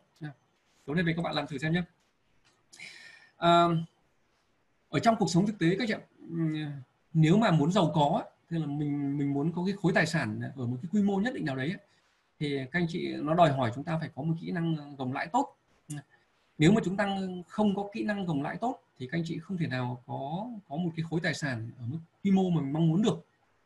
Bởi vì một cái điều rất đơn giản đấy các bạn. À, bạn không thể nào có một cái tài sản 10 tỷ nếu mà cái khả năng gồng lãi ở trên một giao dịch của anh chị mà nó không vượt qua nổi 5 triệu. Ví dụ như là mình thì tôi kỳ vọng là bây giờ là khối tài sản của mình phải là 10 tỷ cơ. Thế nhưng mà đặt một cái lệnh chứng khoán mà nó lãi 5 triệu rồi đã chốt rồi. Ừ. Thì rất khó rất khó những cái người có đặc tính cái cá tính cái tư duy kiểu như thế có khả năng đạt được cái khối tài sản lên đến 10 tỷ bởi vì nếu các bạn muốn có khối tài sản 10 tỷ thì ít nhất cái năng lực gồng lãi của các bạn ấy nó phải lên đến tiền tỷ không? thì thì chúng ta mới có khả năng đạt được cái cái cái khối tài sản mà mình mong muốn cho nên là hầu hết những cái người mà à, làm công ăn lương ấy các chị họ làm ở vị thế đi làm thuê một tháng lương khoảng 15 20 triệu đúng không? và cái con số 15 20 triệu nó gần như là một cái cái, cái thước đo một cái thang điểm và cứ cái gì mà vượt qua cái đấy ấy, thì thì người ta nó vượt quá cái khả năng chịu đựng của người ta. Những người mà cứ có thu nhập mà khoảng 15 20 triệu mà bám vào cái thu nhập đấy thì các bạn cứ tưởng tượng xem đặt một cái giao dịch mà nó lời đến 20 25 30 triệu là người nó gồng cứng cái lên rồi. Bởi vì nó vượt qua cái, cái giới hạn rồi. Nhầm đi nhầm lại là mình vừa đặt lệnh hôm qua đến hôm nay nó lời 20 triệu tức là bằng cả một tháng làm việc rồi đấy. Và bắt đầu nó vượt qua cái giới hạn. Và ngay cả khi cái giao dịch đấy có khả năng đem lại cho anh chị những lợi nhuận lên đến cả trăm triệu hoặc đến tiền tỷ nhưng mà chúng ta cũng không vượt qua được chúng ta cái do cái năng lực khả năng gồng lãi kém cho nên là chúng ta không vượt qua được và chúng ta tuột mất cái cơ hội để có khả năng làm giàu và nói thật là trong cuộc đời các anh chị ờ, khá nhiều người là có những cơ hội mua ví dụ như bất động sản mua chứng khoán hoặc đầu tư vào các lĩnh vực nào đó nhưng mà có thể chúng ta uh, thoát ra khỏi những cái cơ hội khá là sớm ừ. những người mà được công ty uh, Ờ, trả thưởng tôi nhớ là cái hồi khoảng năm 2003 2004 năm rất nhiều các công ty như là công ty Vina Cà phê rồi các công ty về may mặc ngon thưởng cho cho công nhân viên ấy các bạn. Rất nhiều cổ phần mua với giá ưu đãi. Nhưng hầu hết các anh chị em công nhân viên là đều mang cái quyền mua đấy bán hết ra phía bên ngoài. Và chênh lệch chỉ được một nghìn đồng thôi một nghìn đồng hai nghìn đồng. Nên có những người được mua một nghìn cổ phiếu. À, mang ra ngoài chênh lệch ờ, một nghìn đồng thôi đúng không? Là lời được một triệu hai triệu. Thế là thế là vui rồi bởi vì lương công nhân một tháng hồi đó chỉ được khoảng độ hai ba triệu tự nhiên công ty cho cái cổ phần. Không bán ngay ra bên ngoài và sau này cái cổ phần có thể nhân đôi nhân ba. Rõ ràng người ta có cơ hội có thể có thể cải thiện cái vấn đề về tài chính cá nhân của họ rất nhiều lần. Nhưng cái khả năng gồng lãi của họ không chịu được. À, cho nên họ họ thoát ra khỏi cơ hội rất là sớm. Nên trong cuộc sống cũng thế. Nếu các anh chị có muốn có một khối tài sản lớn thì phải rèn luyện cái kỹ năng gồng lãi tốt. À, câu hỏi đặt ra thế làm thế nào để gồng lãi tốt? Đúng không? Trước đây chính chính cá nhân mình cũng cũng rơi vào cái hoàn cảnh là cái khả năng gồng lãi nó không được tốt. Cho nên là mình tuột cũng cũng khá nhiều cái cơ hội. Hoặc là mình ăn non mình toàn ăn non thôi. Và sau này thì mình cũng đi tìm hiểu lại xem là làm thế nào để mình có khả năng lãi được tốt. À, muốn gồng lãi tốt đấy anh chị cái tâm lý à, cái, cái cái tâm lý nó sẽ đóng vai trò quyết định à, về cái khả năng gồng lãi. À, và như cái phần mình phân tích phần trước rồi cái phần gồng lãi kém ấy là do cái cái sự sợ hãi của chúng ta ấy, nó lớn hơn cái sự kỳ vọng cho nên là cho nên là chúng ta thoát ra khỏi cái cơ hội quá sớm. Sợ hãi ở đây là là khi chúng ta đã ở trong một cái vị thế tốt chúng ta có lời rồi chúng ta lại sợ rằng là chúng ta sẽ mất đi cái khoản đó đúng không? và à, cái sự sợ hãi của chúng ta nó cái cái cái cái năng lực chịu đựng lỗ à, lãi của chúng ta nó thấp quá cho nên cái tính sợ hãi nó nó sẽ tăng lên rất nhanh khi mà cái khoản đầu tư đấy cái khoản sinh lời nó vượt qua cái cái cái cái cái, cái, cái, cái sự kỳ vọng của chúng ta. Cái sự kỳ vọng của chúng ta thấp quá thì cái sự sợ hãi nó càng lớn một cái giao dịch với chị chỉ, chỉ kỳ vọng là lãi 5 triệu thôi là được. Nhưng giờ nó lại lãi bất thình lình lãi lên 50 triệu. Đúng không? Là các anh chị không thể chịu được. Anh chị không chịu được. Bởi vì cái kỳ vọng của mình quá thấp. Cho nên cái nỗi nỗi sợ hãi nó sẽ chiếm. Ừ, nó sẽ chiếm. Và các anh chị sẽ thoát ra ngay chốt lời ngay 50 triệu. Và ngày hôm sau có thể cái khoản đấy đầu tư đấy có thể lời vài trăm triệu. Không? thế cho nên là gồng lãi kém ấy chính là do cái sự sợ hãi nó lớn hơn cái sự kỳ vọng. Ừ. Cho nên là nếu mà muốn mà gồng lãi tốt ấy thì mình phải đổi lại cái phương trình đấy. Mình đổi lại cái phương trình đấy. Làm sao trong cái thương vụ đầu tư ấy, cái sự sợ hãi của mình nó nhỏ hơn cái sự kỳ vọng. Cái sự kỳ vọng của mình nó phải lớn lao nó lớn hơn cái sự sợ hãi của mình ấy. thì mình sẽ tiếp tục mình sẽ tiếp tục uh, sống được mình sẽ tiếp tục uh, tồn tại được với cái cái khoản lãi nó tiếp tục tăng lên đúng không? bởi vì cái sự kỳ vọng của mình còn đủ lớn để nó để nó đè ép chèn ép được cái cái cái, cái nỗi sợ hãi ở trong mình cái nỗi sợ hãi à, mất mát như thế. Rồi nói về mặt lý thuyết như thế thì là thực tế thì ông làm thế nào? Thì ở đây mình đưa ra cho anh chị năm uh, hay sáu cái lời khuyên để ờ, cái này là từ từ cá nhân mình thôi không phải đọc sách nào ra cả. Từ cá nhân mình ờ, mình đề xuất trong cái bằng những trải nghiệm của mình thì đầu tiên đấy các chị đầu tiên là các anh chị phải phải xác định phải nhận diện được cái quy mô gồng lãi của mình. À, mỗi người chúng ta khác nhau ấy thì có một cái mức gồng lãi khác nhau. Tức là các anh chị phải xác định cái ngưỡng sợ hãi của mình ví dụ như bản thân tôi nhé bây giờ mà uh, đầu tư một khoản gì mà lãi khoảng độ cứ cứ cứ, cứ bốc phét đi bây giờ một khoản gì mà lãi đến 50 tỷ là tôi không chịu được ví dụ là mình đầu tư một cái gì đấy mà tự nhiên nó có lời 50 tỷ, thì là mình thoát ra ngay, bởi vì cái quy mô vốn của mình còn thấp hơn thế mà tự nhiên nó được phát như thế. Đúng không? là mình té luôn. Ví dụ như thế thì mình có một cái ngưỡng. Một số các anh chị có thể có những cái ngưỡng cao hơn. Ví dụ như là có một số người có nghìn tỷ trong tay rồi. Thì bây giờ đầu tư cái chuyện một cái món gì đấy mà nó lãi 50 tỷ là chuyện bình thường. Như vậy là cái ngưỡng cái ngưỡng chịu đựng, cái ngưỡng sợ hãi của người ta lớn hơn. Nhưng mà có thể một số các anh chị mà tiếp tục ừ, vẫn đang đi làm thuê, thì có thể cái ngưỡng sợ hãi của một số người nó không vượt quá nổi 50 triệu đầu tư cái gì mà có một phát 50 triệu là chốt là làm luôn. Thậm chí có những người có những ngưỡng sợ hãi còn thấp hơn. Thì khi mà cái ngưỡng sợ hãi của anh chị mà mình xác định được ấy mà mình nhận diện ra là, là nó nó nó thấp quá đúng không? Thì các anh chị không thêm nên tham gia vào những thương vụ đầu tư lớn. Ờ, ở đây mình điển hình là có những người là như này cái bỏ 100 đô giao dịch forex. Ờ, đánh lằng ngoằng thế nào sau một đêm ờ, lời được 20 đô đúng không? Như vậy là lấy 20 chia cho 100 nhầm đi nhầm lại là ok sau một đêm lời 20 phần trăm. Thế nhưng mà người ta bị nhầm ở chỗ là cái ngưỡng chịu đựng của người ta ấy, nó dựa trên số tuyệt đối chứ nó không dựa trên số phần trăm. À bây giờ ờ, tăng quy mô vốn lên là 1.000 đô. Nhưng mà sau một đêm giao dịch vẫn như thế nhưng mà giỏi nắm lãi được 50 đô. Nó không cái, cái, cái số 20 phần trăm nó không còn đúng nữa. Bởi vì cái ngưỡng chịu đựng của người ta ấy, nó chỉ là 20 25 30 50 đô thôi. Bởi vì một người mà bỏ ra 100 đô giao dịch lãi được 20 đô 20 phần trăm nhưng bây giờ bỏ cho ông ấy 100 nghìn đô không? Giao dịch thì xong đêm không thể nào lại được lên đến 20 nghìn đô. Bởi vì những cái người như thế họ liều lĩnh trong cái ngưỡng cái ngưỡng chịu đựng của họ nó có giới hạn. Nên là à, cho, cho nên rất nhiều người các cụ hay nói là cờ bạc đãi tay mới. Mọi người để ý cho này cờ bạc đãi tay mới. Tại sao lại thế? Bởi vì là khi những người mới chơi ấy, à, các các chị có để ý bản thân các anh chị khi tham gia thị trường chứng khoán thì cứ mới vào đánh lại thắng. À, mới đầu tư crypto cũng thắng. Ờ, mới tham gia vào thị trường forex cũng thắng. Ờ, và nó thắng bởi vì là chúng ta chơi với cái quy mô nhỏ. Bắt đầu vào một cái cuộc chơi thường chúng ta chơi rón rén chơi chơi ít thôi chơi trong cái ngưỡng chịu đựng của chúng ta chơi trong cái năng lực chịu đựng của chúng ta năng lực gồng lãi của chúng ta. Thì khi mà cái lãi nó đến thì chúng ta chịu đựng được. Nhưng khi mà một cái đoạn sau mà chúng ta cứ lãi lãi chúng ta ăn ăn ăn, ăn ngon ngon rồi bắt đầu chúng ta con tăng quy mô lên. Và khi tăng quy mô lên nó vượt quá cái năng lực chịu đựng của mình thì bắt đầu khó khăn nó đến. Nó nào? Bắt đầu lỗ nó cũng vượt quá năng lực, lãi nó cũng vượt quá năng lực khả năng chịu đựng của mình lên. Vâng, và cái vấn đề nó nó nó nó nó gặp phải phía sau. Nên các cụ nói rằng là tại sao gọi là cờ bạc đãi tay mới là như vậy? Thế nên mỗi người cần phải xác định cho mình cái ngưỡng sợ hãi. Và và và theo thời gian các chị phải nâng dần cái ngưỡng ấy lên. Và đừng đừng làm quá cái ngưỡng của mình. Còn nếu không ấy, các anh chị luôn luôn thoát khỏi những cái giao dịch quá sớm. Quá sớm. Thứ hai các anh chị cần phải biết về cái lĩnh vực mà mình bỏ tiền ra để đầu tư ấy và khi mà mình hiểu biết về cái lĩnh vực mà mình bỏ tiền ra để đầu tư rồi thì mình sẽ bớt cái tính sợ hãi mình bớt những cái ờ, những cái lao sao ở ngoài thị trường đi. Ờ, ví dụ như là hiện nay rất nhiều người đầu tư vào crypto đầu tư vào crypto. Nhưng mà ờ, hôm nay thì mình đến một cái buổi hội thảo thấy là, ôi crypto rất tiềm năng, nghĩa là một trong những cái, gọi là, kỷ nguyên 4.0 rồi mọi thứ nó sẽ tương lai rất là sáng lạng. Thì mình hưng phấn lên, mình xuống tiền mình đầu tư nhưng mà về đến nhà thì lại ờ, đọc bản tin ờ, trên ờ, báo rồi nghe bản tin trên TV lại thấy họ nói theo hướng ngược lại là tiền ảo rồi là lừa đảo rồi là MLM là là Ponzi rồi họ lại lại lại lo lắng. Là lo lắng xong rồi có thể lãi lãi lãi một chút thôi bởi vì đang lo lắng quá mà đang sợ hãi quá trên lãi một chút là thoát luôn. Và ngày hôm sau thì cái dự án ấy, nó tiếp tục nó đem lại những cái lợi ích lớn hơn. Thì cho nên nếu mà các anh chị không hiểu biết về lĩnh vực đầu tư ấy các anh chị không bao giờ gồng lời được. Các anh chị không bao giờ gồng lời được.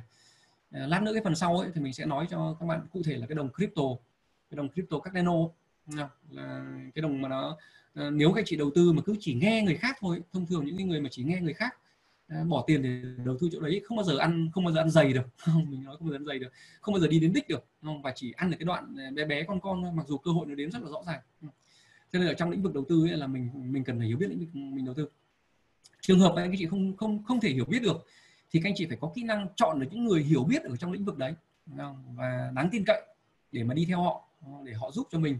Cái chuyện là thẩm định dự án và đảm bảo rằng là uh, những cái gì mà họ hiểu biết về cái lĩnh vực này là là, là giúp mình đi có chuyện dài hạn ở trong cái nghề này được thì, thì cho nên là đấy là yếu tố thứ hai kiên quyết. Nếu anh chị muốn gồng lời tốt được phải hiểu biết nếu không hiểu biết chắc chắn các anh chị không không bao giờ không bao giờ gặt hái được thành công lớn cả cái yếu tố thứ ba để quyết định đến chuyện là mình thành công ờ, mình gồng lãi tốt hay không, đấy là cái nguồn vốn. Cái đặc tính của nguồn vốn mà mang ra đầu tư ở trong cái lĩnh vực đấy, nó phải phù hợp ờ, phù hợp với cái sản phẩm đầu tư ấy. Ví dụ như này ờ, cái đặc tính của nguồn vốn là gì? Có những nguồn vốn mà mình đi vay, mình phải trả lãi. Có những nguồn vốn mà mình không thể mất được, thì những nguồn vốn ấy các anh chị không thể nào đầu tư vào những chỗ rủi ro được.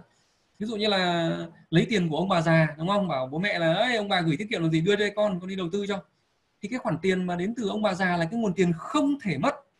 Đúng không? nhưng mà chúng ta lại mang cái đấy ra để chúng ta đầu tư vào thị trường crypto. Thì khi mà thị trường nó tụt xuống, rồi nó lên, rồi nó xuống, nó cứ nhồi bơm bơm, nhồi nhồi là tâm của chúng ta bất an lắm. Bởi vì là cái chuyện nó còn tiền hay mất tiền đều ảnh hưởng đến ông bà già cả. Và trong cái khoảng khoảng khắc như thế thì đấy là cái nguồn vốn nó không tốt. Và cái nguồn vốn nó không tốt thì luôn luôn nó đẩy cái sự sợ hãi của anh chị nó to lên. Đúng không? Cái sự sợ hãi này này, nó nó càng ngày nó càng to lên. Và khi sợ hãi nó to lên thì rõ ràng là tính gồng lãi chúng ta sẽ kém đi rất nhiều lần. Ừ. Nhưng ngược lại nếu đầu tư vào thị trường crypto mình xác định đây là thị trường rất rủi ro.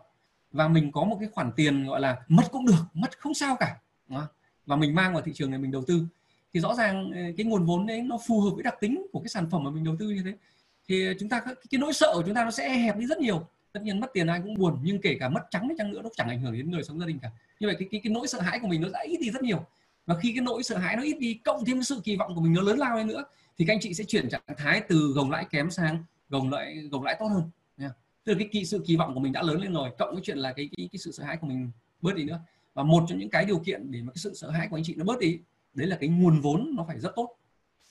À, nguồn vốn không thể trả lãi thì mới giữ được dài hạn thì mới đầu tư được dài hạn. Nguồn vốn không thể mất thì mới đầu tư được những chỗ có thể mất.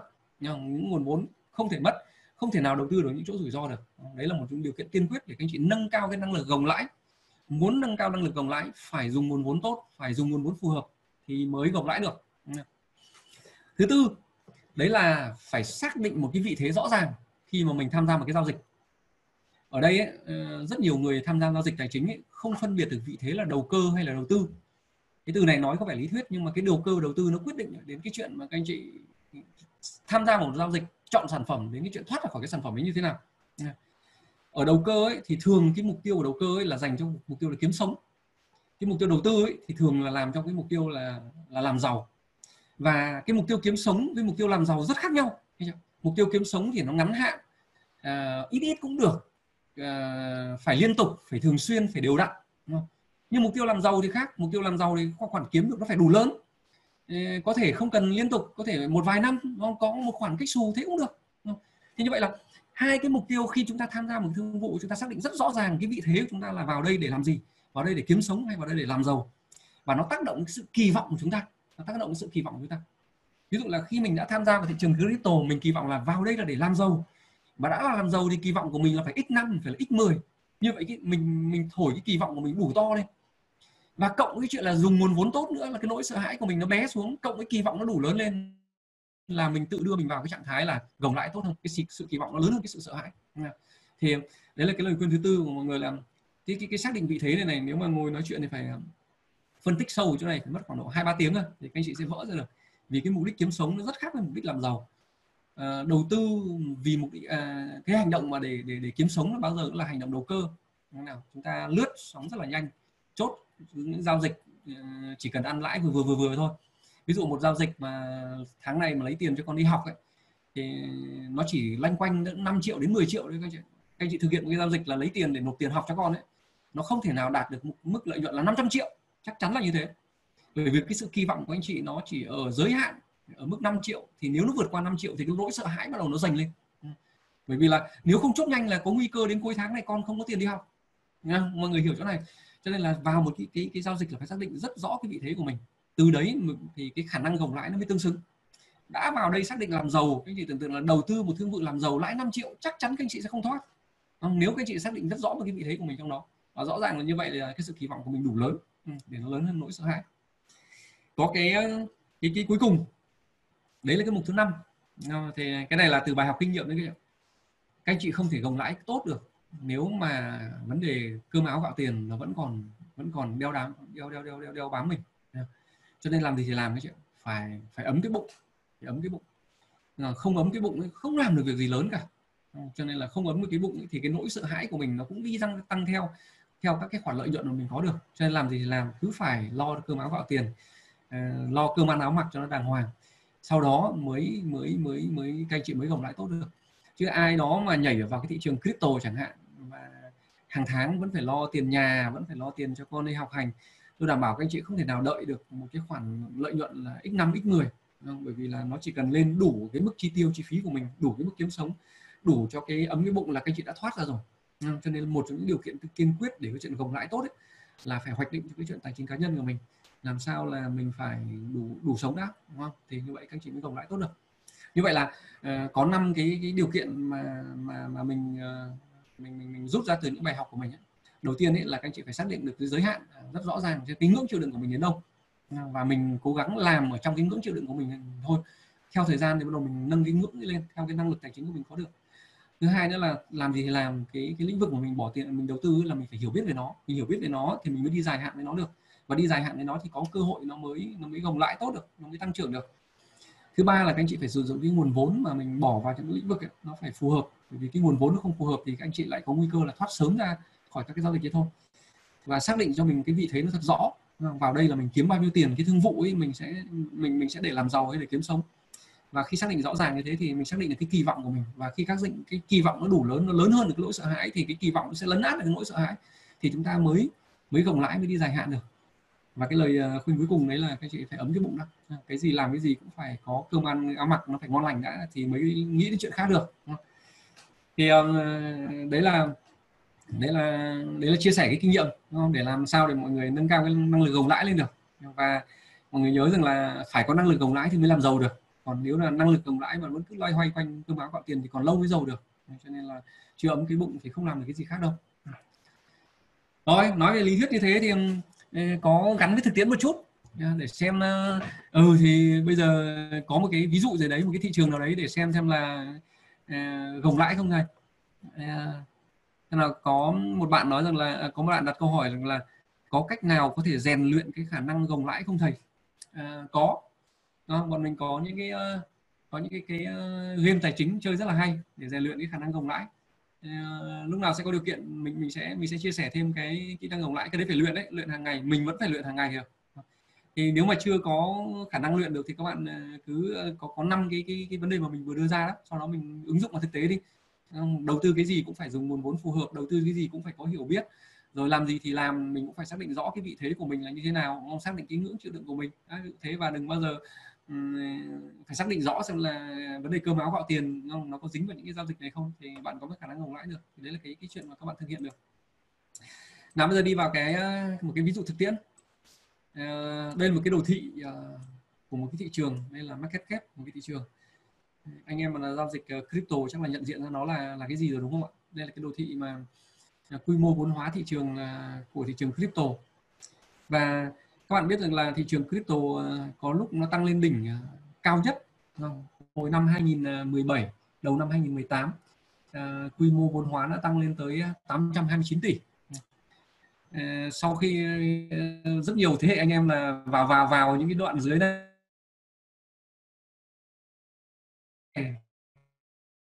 Ngon, xong đó chốt chốt chốt chỗ này xong rồi ờ, thấy nó vọt lên tiếp thì lại vào vào chỗ này đúng không? Và không phát ra được.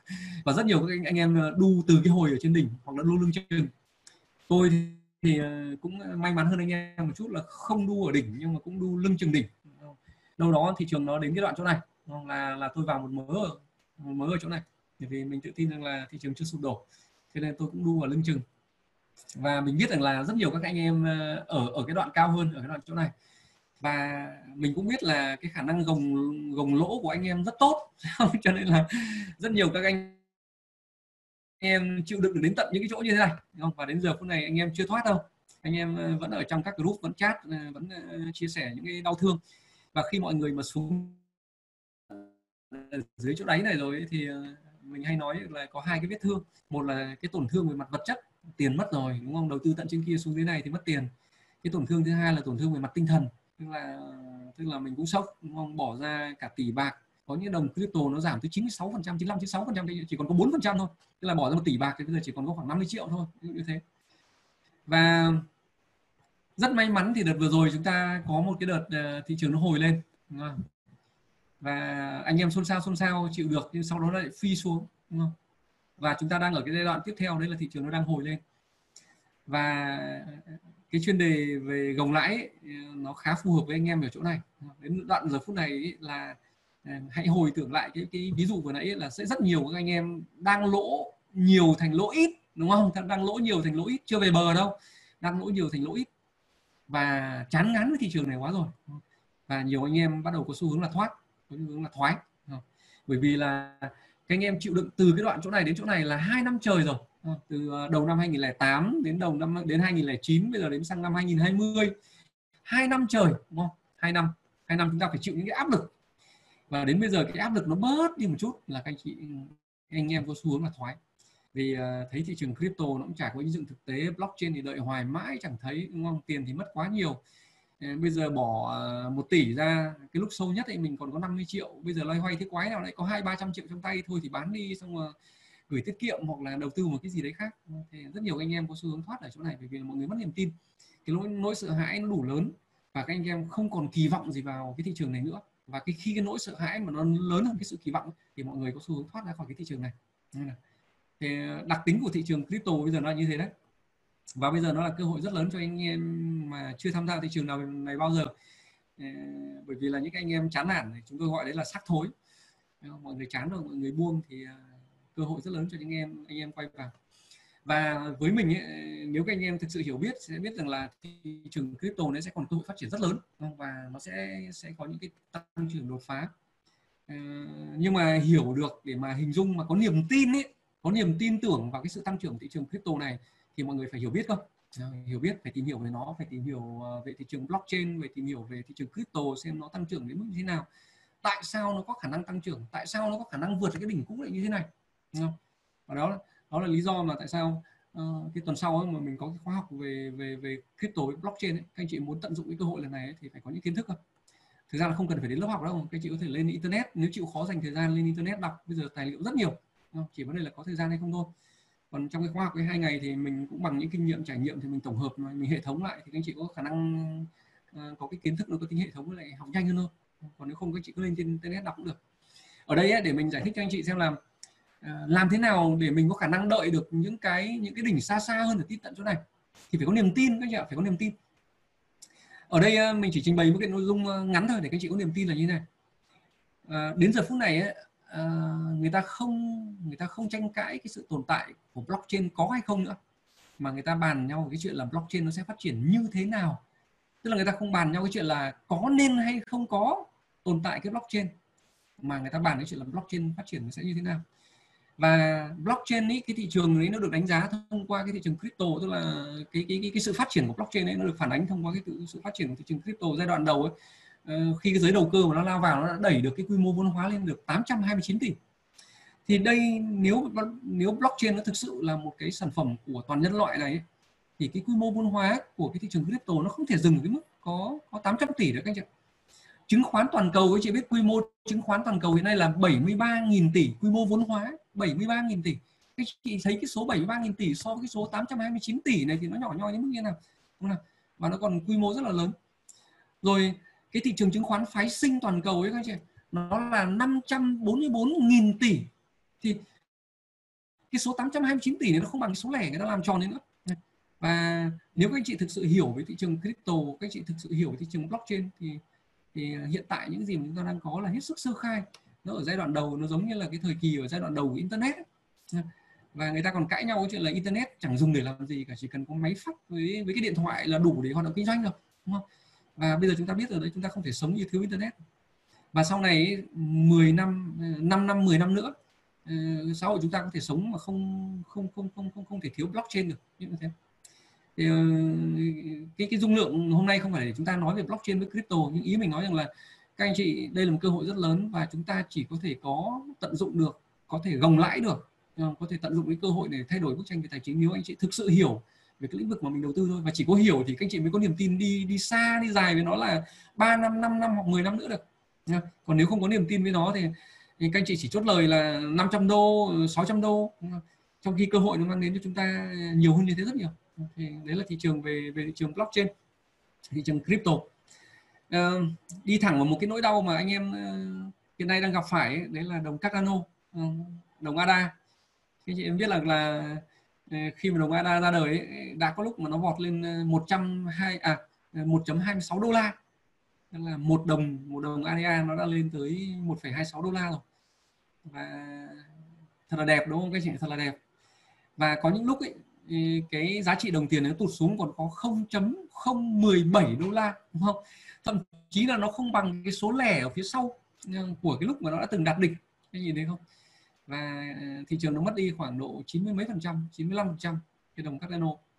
Và hiện nay ấy, rất may mắn là là là là cái đồng tiền đấy nó đã tăng lên cỡ khoảng độ 0.08 x ờ, loay hoay quanh cái số đấy một chút. Và chúng ta đã có cơ hội x 4 lần trong vòng 2 tháng vừa qua x 4 lần. Đầu tư cái gì x 4 lần nghe chưa đầu tư bất động sản x 4 được lần không? Có phép đúng là đầu tư chứng khoán x 4 lần trong vòng 2 tháng có phép. Nhưng mà có những cái thị trường có những cái cơ hội nó mang cho chúng ta x4 rất là nhanh. Nhưng mà nếu mà chúng ta không có tính hiểu biết thì ngay cả cái x4 trong ngắn hạn này chúng ta cũng không có khả năng ăn, ăn được đâu nha. Tất cả các group các cái diễn đàn ấy ờ, rất nhiều group còn ờ, tranh cãi nhau ờ, nói rằng là này liệu đồng Cardano có khả năng quay lại một đô la không? Và rất nhiều nhóm vẫn đang cãi nhau tranh tranh cãi nhau và có những người bảo là nói chung là phù phiếm ừ, kỳ vọng như thế là quá là ảo. Các bạn cứ tưởng tượng là đến giờ phút này thì ờ, Cardano mới cung ra là khoảng 26 tỷ ờ, cái cái cái đồng crypto của nó thôi cái đồng ADA 26 tỷ thôi. Và nếu nếu mà ADA lên được một đô la thì quy mô vốn hóa của của ADA nó cũng chỉ có 26 tỷ đô la. Và 26 tỷ đô la này nếu là nếu mà thực sự ADA đi đúng cái lộ trình mà năm năm cái cái cái cái cái kỷ nguyên của nó các chị muốn tìm hiểu ờ, ADA thì lên xem cái video mà mình vừa up chiều hôm nay ấy, của cái thứ bảy tuần trước mà mình nói về đồng ADA là như thế nào ấy, mình phân tích cho mọi người về mặt cơ bản đấy để mình hiểu mình tin vào nó. Thì nếu mà đồng ờ, ADA thành công mà dùng ở quy mô toàn cầu ấy các anh chị thì 26 tỷ này không thấm không thấm tháp vào đâu cả. So với cái số mà mấy nghìn tỷ đúng không? Các chị nhớ số lần trước là 73 nghìn tỷ. Thì mình không có ý định nói rằng là ADA sẽ là tất cả nhưng mà rõ ràng là có một cái dư địa có một cái khoảng rất lớn có 26 26 tỷ đô la không có gì ghê gớm cả. Một công ty như là Apple hiện nay còn 1.500 tỷ công ty Apple ấy, 1.500 tỷ đô la. Microsoft 1.200 tỷ đô la. Đúng không? Rất nhiều các công ty nghìn tỷ đô la. Và trong khi đó nếu mà ADA thành công nó cũng dùng ở quy mô toàn cầu các chị mà còn hơn thế nữa mà nó mới có 26 tỷ. Không? Thì với cái niềm tin cái sự hiểu biết ờ, về cái đồng tiền này thì cái chuyện một đô la ờ, chả có gì là ghê gớm cả anh chị hãy nhớ cái buổi hôm nay xem ờ, có phải tôi chém gió không nhé nhưng mà bằng cái, cái nhận thức của mình bằng cái sự hiểu biết của mình thì mình có niềm tin với nó cộng thêm chuyện là mình có cái nguồn vốn tốt nữa mình bỏ vào đó nữa đúng không nào cộng với chuyện cơm áo gạo tiền không phải gắn vào nó nữa đúng không? cộng với chuyện là cái khả năng chịu đựng lỗ à, lặn lãi của mình tốt hơn nữa không? thì các anh chị có khả năng đi đến được những chỗ này nhưng nếu ai mà đang đầu tư vào ADA ấy, không? bằng nguồn vốn đi vay ờ, từ ngân hàng bằng nguồn vốn của bố mẹ đúng không? Thì còn lâu các anh chị mới đợi được đến những chỗ kia. Tôi đảm bảo các anh chị là chỉ lần lên đến 0.1 là té rồi. Chắc chắn là thế, là té rồi. Thậm chí một nhiều người bây giờ giỏi lắm, chỉ dình đến 0.3 hòa vốn là thoát rồi. Quái lạ đầu tư vào thị trường ờ, rủi ro mà chỉ mong hòa vốn thôi. Các anh chị đầu tư tài chính mà muốn mong hòa vốn thì các anh chị chỉ cần giữ tiền in trong túi thôi là các anh chị đã hòa vốn rồi. Ừ. Nên đầu tư một kênh rủi ro chỉ mong hòa vốn là thoát. Đấy là cái khả năng gồng lãi rất là kém. Ừ. Thì phải bằng cái sự hiểu biết cơ, chúng ta mới đi dài hạn được một số các diễn đàn các anh chị ạ. Còn đặt câu hỏi là, này, ADA lên được 20 đô la không? Và mấy thằng ờ, ở trong nhóm chửi là điên, đúng không? Làm sao mà lên được 20 đô la? Ờ, đúng là đến giờ phút này mà bảo lên 20 đô la thì bản thân tôi cũng không dám nghĩ nó đâu. Nhưng mà mọi sự điên rồ đều có khả năng xảy ra các anh chị tôi chỉ tính sơ sơ bằng con số này các anh chị nếu giả sử là trong vòng khoảng 2 năm nữa đi ờ, Cardano nó phát hành thêm những đồng tiền ra cứ gọi là khoảng 30 tỷ coi đi, tính tính tính tròn như thế và giả sử ADA lên được 6 à, lên được 20 đô la đi như vậy là cả quy quy mô vốn hóa của nó chỉ có 600 tỷ đô. 600 tỷ đô thì nhằm nhò gì đâu các anh chị nhằm nhò gì so với những công ty lên, lên đến cả lên đến cả nghìn tỷ đô la? Rõ ràng là trên thị trường nó có những cái đó. Và nếu nó thành công rồi nhá ờ, đây là một cái cơ hội đầu tư rủi ro. Và rủi ro thì hoàn toàn nó khả năng mất trắng vốn. Cho nên phải đầu tư bằng cái nguồn vốn sẵn sàng có khả năng mất mất thì thôi mất không ảnh hưởng đến cuộc đời này cả thì cái nỗi sợ hãi của mình nó mới ít đi. Và cái tính kỳ vọng của mình ấy cái tính kỳ vọng của tôi là 20 đô chẳng hạn như thế thì cái kỳ vọng nó đủ lớn để nó khỏa lấp cái nỗi sợ hãi ấy, là mất tiền. Bởi vì thậm chí là tôi bây giờ còn chẳng có sợ hãi về mất tiền cái đấy nữa bởi vì tôi chấp nhận mất nên tính sợ hãi nó không còn nữa.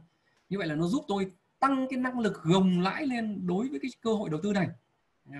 Thì đây là một cái ứng dụng thực tế là mình muốn share cho các anh chị là phải có sự hiểu biết phải có sự tính toán. Và phải có cái năng lực phải có khả năng chịu đựng thì chúng ta mới gồng lãi được. Và rõ ràng đây là một cơ hội các chị các anh chị thử thử nghĩ xem có cái gì mà các anh chị đầu tư trên thị trường này ờ, không không tính cái trường hợp phi pháp nhé. Để để có khả năng nhân được 100 lần, bỏ vốn khoảng 1 tỷ ra nhân được 100 lần. Khó phết đấy, khó phết đấy nhưng trong khi đó, những cái thị trường kiểu như thế này, những thị trường mới mới kiểu như này, nó đem đến cho chúng ta những cái cơ hội. Và muốn có những cái cơ hội này thì chúng ta phải tranh thủ, chúng ta phải hiểu biết, chúng ta tận dụng được nó. Chứ còn nếu không vứt tiền vào bây giờ ấy không cứ 0.08 lên đến 0.1 là té luôn. Trong khi nó mang lại cho chúng ta những cái cơ hội lên đến cả cả cả cả cả cả cả cả, cả đô cả một đô la hai đô la cho nên uh, mình muốn uh, mình mình mình mình chỉ muốn cái bình luận thế này các chị. Đừng để cái kỹ năng cái gồng lời nó kém và nó cướp mất cái cơ hội của cuộc đời. Có rất nhiều người những cái cơ hội nó đến nó chợt đến nhưng mà chỉ vì cái chuyện mà gồng lời kém và chúng ta không tận dụng cái cơ hội đấy cho nên là uh, cuộc đời có thể có nhiều những cơ hội nó đến nữa nhưng mà chúng ta không có khả năng và không biết cách làm. Nên chúng ta để vượt mất cái cơ hội và chúng ta không không tạo ra những cái bước đột phá ờ, về về đời sống tài chính. Chúng ta cứ loay hoay loay hoay như thế thôi. Ừ. Thì phải có cách làm đấy chị. Ờ, cái cái video mình chia sẻ ngày hôm nay, cái cái nội dung mình chia sẻ ngày hôm nay không có nghĩa là mình khuyến khích các anh chị bỏ tiền vào những cái chỗ như này đâu nhé. Mình vẫn muốn nhấn mạnh lại với các anh chị là mỗi người chúng ta có cái năng lực gồng lãi rất là khác nhau. Mỗi người chúng ta có cái cái tình hình tài chính rất là khác nhau mỗi người chúng ta có cái khả năng nhận thức về cái sản phẩm chúng ta đầu tư rất là khác nhau. À, mình chỉ chia sẻ cái này dưới góc nhìn của cá nhân mình với năng lực chịu đựng uh, lỗ của mình với năng lực gồng lãi của mình với với cái sự hiểu biết của mình về cái thị trường này. Thì mình chia sẻ cho anh chị một cái cách làm ở đây. Tôi làm như thế này. Với những cơ hội kiểu như thế góc nhìn của tôi là như thế này. Thì các anh chị dựa vào đó để làm. Điều đấy không có nghĩa là các anh chị cứ dập khuôn y làm theo như này. Bởi vì nếu các anh chị dập khuôn làm theo như này với cái với cái tư duy với với cách làm mù quáng mà không hiểu biết về cái này rồi cuối cùng các anh chị cũng lại tuột mất cái cơ hội. Hoặc là các anh chị vơ vào một cái đống cái rủi ro, bởi vì bản thân cái đồng Cardano này là một cái dự án rủi ro và nó hoàn toàn có khả năng bị thất bại. Cụ thể là đến tháng 8 này, nếu nó ờ, đến đến cuối tháng 7 này, nó mà không không chuyển sang một kỷ nguyên mới Chile mà thành công thì nó lại về con số không. Và toàn bộ cái khoản đầu tư của anh chị là có khả năng mất trắng. Cho nên là đây không phải cái lời khuyên để các anh chị có thể bỏ tiền, bỏ vốn vào những cái chỗ này phải, phải có sự hiểu biết đấy các anh chị ừ, thì đấy là cái điều mà nhấn mạnh lại. Còn nếu không may mà các anh chị cứ bỏ tiền vào những này nếu mà có lãi là các anh chị tự chịu đấy nhá và có lỗ tất nhiên các anh chị tự chịu. Rồi thì um, đấy là những gì mà mình uh, muốn chia sẻ trong cái nội dung ngày hôm nay. Các bạn nào có câu hỏi mà muốn trao đổi thêm nữa thì uh, các bạn điền uh, vào để mình sẽ trả lời cho các anh chị. Và các anh chị nhớ rằng là uh, cuối tuần sau thì chúng ta không có cái cái buổi chia sẻ này bởi vì là cuối tuần sau thì ờ, tôi sẽ có một cái khóa học về ờ, blockchain và crypto. Uh, đây là cái khóa để dành cho những đặc biệt là những người mới vào thị trường kể cả những người đã thất bại rồi đúng không? Thì cũng có thể đến đây để lấy thêm những kiến thức. Và cái khóa học nó diễn ra trong vòng 2 ngày 4 buổi ấy, ngày 20 21 tháng 6 tức là thứ bảy và chủ nhật. À, về nội dung thì tôi chỉ tập trung vào bốn cái nội dung lớn thôi. Ở đây thì tôi cung cấp cho các anh chị các kiến thức nền tảng về blockchain và crypto theo hướng chính thống nha các anh chị nhé ở đây không phải là cái tổ chức cái buổi để giao bán các dự án ờ, tuyên truyền các chị gì cả. Ở đây tôi chia sẻ cái kiến thức sâu đúng ờ, chuẩn theo hướng chính ngạch. Ờ, để các anh chị hiểu được blockchain là cái gì cái cơ hội nhận diện ra để các anh chị hoặc là đầu tư, ví dụ một số các anh chị mà làm về lập trình chẳng hạn, hoặc là làm những cái mà liên quan đến dữ liệu lớn chẳng hạn, thì thì các anh chị hiểu được về blockchain, các anh chị hiểu được một cái cơ hội kinh doanh, có thể chuyển hướng cái ngành kinh doanh của mình rồi những người mà có tiền mang tính chất là đầu tư ấy, thì các anh chị sẽ nhận diện được các cơ hội đầu tư mạo hiểm và có thể thay đổi những đột phá cái bước về, về tài chính cá nhân của chúng ta và bằng những kinh nghiệm bằng những trải nghiệm của mình ở trên thị trường uh, chứng khoán có forex có crypto có trong thời gian vừa qua thì mình cũng chia sẻ các anh chị cái phương pháp đầu tư làm sao các anh chị có thể uh, có thể thành công được với thị trường crypto này và các chị nhớ rằng là tất cả những cái khóa học mà mình cung cấp ấy thì ừ, các anh chị học một lần thôi và được học miễn phí cả đời. Ờ, nếu sau này chúng tôi lại tiếp tục tổ chức các cái khóa học về ừ, blockchain hay crypto nữa thì chúng ta lại được học lại ừ, miễn phí. Thì nhớ là các anh chị em mà đã học khóa crypto 202 rồi thì mọi người có khả năng ờ, được được học miễn phí các cái khóa mà mình tổ chức lại đây nhé nhưng mà mọi người chỉ cần đóng phí hành chính thôi, tiền về tài liệu rồi ờ, công tác tổ chức thôi. Thì mọi người có khả năng tham dự cái buổi này thì nếu mà mọi người có cái uh, kế hoạch mà tham dự thì uh, đăng ký và sẽ phải tham dự những cái chị đừng bỏ bom mình giống như lần trước uh, mình phải hủy cái lớp tài chính cá nhân. Nhiều người đăng ký quá.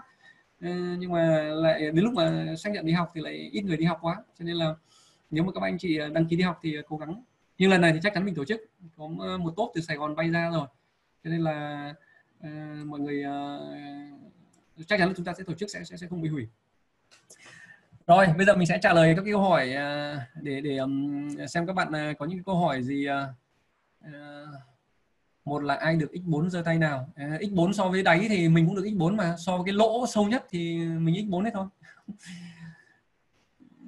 Đúng rồi ai mà có khả năng gồng lãi kém thì khó mà ăn x4 được vừa rồi. À, các anh chị nên nhớ rằng là riêng đồng uh, Cardano nó không chỉ có x4 nó không chỉ dừng ở đó đâu. Với niềm tin và những gì mình hiểu biết thì nó sẽ còn hơn rất nhiều niềm tin vào ADA chưa bao giờ bị dập tắt. Thực ra cái niềm tin này của mình đôi khi nó cũng mù quáng và mình cũng kéo theo nhiều anh em lao vào quá. Thực ra là mình mù quáng một phần rồi nhưng mà anh em cũng mù quáng nữa cho nên là các anh em lao theo mình. À, thực ra là không phải là mù quáng mà mình vẫn tin vào cái mình có niềm tin vào nó nhưng mà mình chọn cái thời điểm nó bị sai thôi. Ờ, và nếu mà mình tỉnh táo hơn nữa thì mình mình có thể làm tốt hơn. Nhưng mà bây giờ thì ờ, cái cơ hội nó vẫn còn nguyên tại sao thầy lại so ADA với Apple với Microsoft? Ừ, có thể mọi tự so sánh đều là khập khiễng. Nhưng ý mình nói là mọi người thấy rằng là Apple ngày xưa ấy, cổ phiếu nó chỉ có một đô. Uh, Google cổ phiếu ngày xưa của nó chỉ có 4 đô thôi. Thì mình ý mình nói rằng là những cái dự án đầu tư mạo hiểm ấy, thì nó có cơ hội tăng trưởng. Thì, à ý bạn ấy là phải so ADA với ờ, SpaceX cũng không biết được. Có ai đánh thuế giấc mơ đâu? Yes. Uh, mặc dù nghe hoài vẫn thích nghe nói về ADA. Yes. đợi qua Chile rồi mới mua. Đợi qua Chile rồi thì cũng căng phết đấy. À có một cái cơ hội rất lớn được là ngày 8 tháng 3 có thể một số bạn mà nhận được cái um, cái reward ở testnet về các bạn ấy xả, đúng không? Thì nhưng mà các bạn đừng mua vội phải hiểu biết về nó rồi, về hàng mua. Ờ, delay nữa là nó xả về SML luôn, đúng rồi. Làm sao để biết crypto nào đạt tiêu chuẩn chính quy ờ, thưa thầy? Ờ, đây là một câu hỏi rất lớn đấy các bạn ngày xưa thì cái hồi mà học uh, crypto với blockchain ấy chúng tôi có một cái bảng chấm điểm gồm 42 tiêu chí. Tức là chúng tôi liệt kê ra 42 tiêu chí. Một crypto phải thỏa mãn được những cái số điểm mà chúng tôi đưa ra thì chúng tôi mới đầu tư. Và chính nhờ cái bảng điểm đấy mà tôi tìm ra đồng ờ, một số đồng đấy và trong đó có đồng ADA đúng không? Tức là trong khi cả cái mọi người cả cái thế giới nó đang hỗn loạn xì ngầu lên với các ICO này nọ thì tôi đã dùng cái bảng điểm đấy tôi chấm và tôi lọc ra được rồi nhưng tất nhiên cái bảng điểm đấy nó không không còn phù hợp với cái thời gian này nữa bởi vì là đặc thù của thị trường nó đã thay đổi rất nhiều rồi. Cho nên nó, mình mình sẽ mình sẽ chọn cái hướng khác. Tức là sắp tới mình sẽ chọn cái hướng làm ICO trên nền tảng ADA bởi vì là nó sẽ có xu hướng mà huy động vốn ờ, theo cái cách mới cùng với smart contract thôi. Thì cái cơ chế điểm chấm điểm thì nó cũng sẽ khác rất là nhiều lần. Câu hỏi của bạn một bạn là làm sao để biết Chile uh, Chile Ada thành công hay không? Uh, ngày 29 tháng 7 này là cái ngày um, cái ngày hard fork của ADA tức là cái ngày chuyển từ centralized lên decentralized phi tập trung thì đến cái ngày đó thành hay bại là biết ngay. Nhưng mà mình tin vào độ thành công của ADA bởi vì làm trước khi mà mà mà làm CLA chính thức ấy, thì nó có CLA testnet uh, ờ, hình như đâu đấy vào tháng 7 uh, ờ, bắt đầu chạy toàn bộ cái cái cái, cái testnet của CLA tức là người ta có cái giai đoạn mà chuyển đổi chạy trên testnet trước thử xem nó như thế nào không không ngoại trừ có khả năng thất bại. Bây giờ không ngoại trừ khả năng thất bại nhưng mà cái khả năng xác suất ờ, thành công nó cao hơn rất là nhiều. Ờ, có bạn nói là do nguồn vốn quyết định thầy ạ. Ờ, tùy từng người tùy tùy tùy tùy, tùy từng người. Nhưng quan điểm của mình là nguồn vốn không cũng không đủ đâu kể cả nguồn vốn tốt nhưng mà bạn không hiểu biết về cái dự án đấy thì bạn cũng không đợi được. Bạn cũng không chờ đợi được. Cho nên là ai mà muốn xx ấy, vẫn cứ phải hiểu biết về cái cái ngành mình, mình đầu tư ấy. mình lấy ví dụ như anh cho dễ hình dung các bạn mua một miếng đất đi các bạn đi mua một miếng đất uh, ở giữa cánh đồng đi đúng không? Và tự nhiên cái miếng đất ở giữa cánh đồng ấy nó có người trả bạn x4 bạn có bán không? Trong khi bạn không biết cái quy hoạch xung quanh với cả bạn mù mờ luôn. Bạn không biết đường biết đâu người ta dọa là con đường nên mày không bán nhanh như con đường khi nó chạy qua giữa miếng đất nhà mày. Thì mình sợ quá là mình lại bán miếng đất đi ngay. Thì thì thì, thì mua miếng đất ấy mà mình hiểu biết được cái quy hoạch ấy khi mà biết được quy hoạch tức là mình hiểu rõ về miếng đất đấy thì x 4 cũng không bán mà x 40 có khi mới bán. Ờ, thì đấy là cái sự hiểu biết. Bởi vì là mình mình biết về quy hoạch như thế thì ừ, nói về bất động sản chắc là nhiều người dễ hình dung hơn. Thì đầu tư các cái ngành nào cũng thế phải có hiểu biết về cái sản phẩm mình đầu tư thì các bạn mới kỳ vọng sinh lời nhiều được. Thì năm cái mình liệt kê ra ấy thì ừ, bỏ cái nào đi cũng phí các anh ạ. Bỏ cái nào cũng phí. Rồi ví dụ như là các bạn mà mua một miếng đất nhưng mà uh, cơm áo gạo tiền không có tiền cho con đi học không có tự nhiên nó thằng vào nó trả và thôi tao trả mày gấp đôi tiền tháng sau thì vay nợ không còn vay được ở đâu nữa con thì phải đi học nhà thì phải trả tiền thuê nhà thì các bạn lại bán ngay. Đấy ví dụ như thế.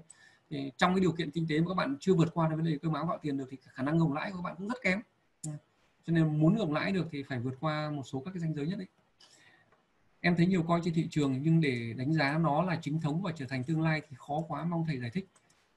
Không khó đâu mà bạn nếu bạn có kiến thức về mặt chuyên môn nếu bạn có kiến thức về blockchain nếu bạn có kiến thức về crypto Ờ, lên mạng chịu khó tìm hiểu đấy các bạn. YouTube Google các bạn phải hiểu blockchain là gì crypto là gì. Thì mấy cái dự án uh, coi coi rồi trả lãi suất kiểu MLM Ponzi không thể nào qua mắt được bạn được. Ừ, chắc chắn là thế tôi tin là như thế.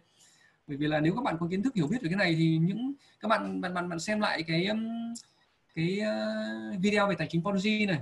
Các bạn xem lại video về đồng ADA mà mình vừa phân tích hôm hôm thứ bảy tuần trước này. Thì xem xong hai cái đấy các bạn sẽ biết cách đánh giá thế nào là đồng crypto chính thống và đồng crypto uh, theo hướng chính và theo hướng tà ấy là phân biệt cái đấy không khó thế nào cả nếu bạn có kiến thức về nó?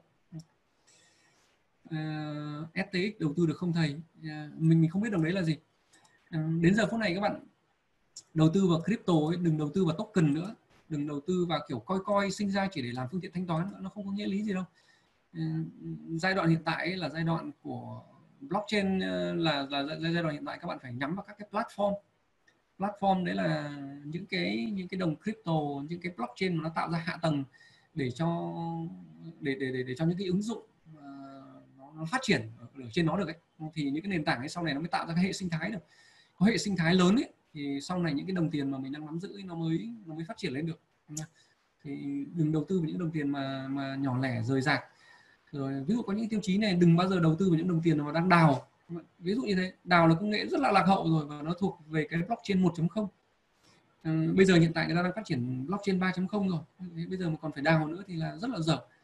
Ờ, nếu các bạn không tin các bạn cứ cứ xem đồng Ethereum là một đồng tiền rất là nổi tiếng là thứ hai trên thị trường. Nó đang cố gắng chuyển từ từ từ từ hệ thống đào hệ thống proof of work sang proof of stake rồi. Nó bỏ hệ thống đào rồi. Nhưng bởi vì hệ thống đào nó không còn cái cái cái, cái hiệu quả của nó nữa thì đấy là cái xu hướng công nghệ. Các bạn nhìn thấy thì đừng đừng đầu tư vào những cái công nghệ lạc hậu đừng đầu tư vào những cái cái, cái, cái, cái cũ nữa. Ừ. thì đấy cái bằng cái sự hiểu biết như thế thì các bạn cũng sẽ có khả năng gồng lời rất là tốt. Còn nếu mà không ấy các bạn lại đầu tư vào những đồng tiền cũ thuộc thế hệ cũ ấy, mà mình đầu tư không hiểu biết ấy, mà lại cứ chứng muốn chứng tỏ cái khả năng gồng gồng lãi thì lại không được đâu thì lại đi ngược lại đúng không? Không hiểu biết không thể gồng lãi được. Đừng đừng đừng nên gồng lãi khi mà mình không hiểu biết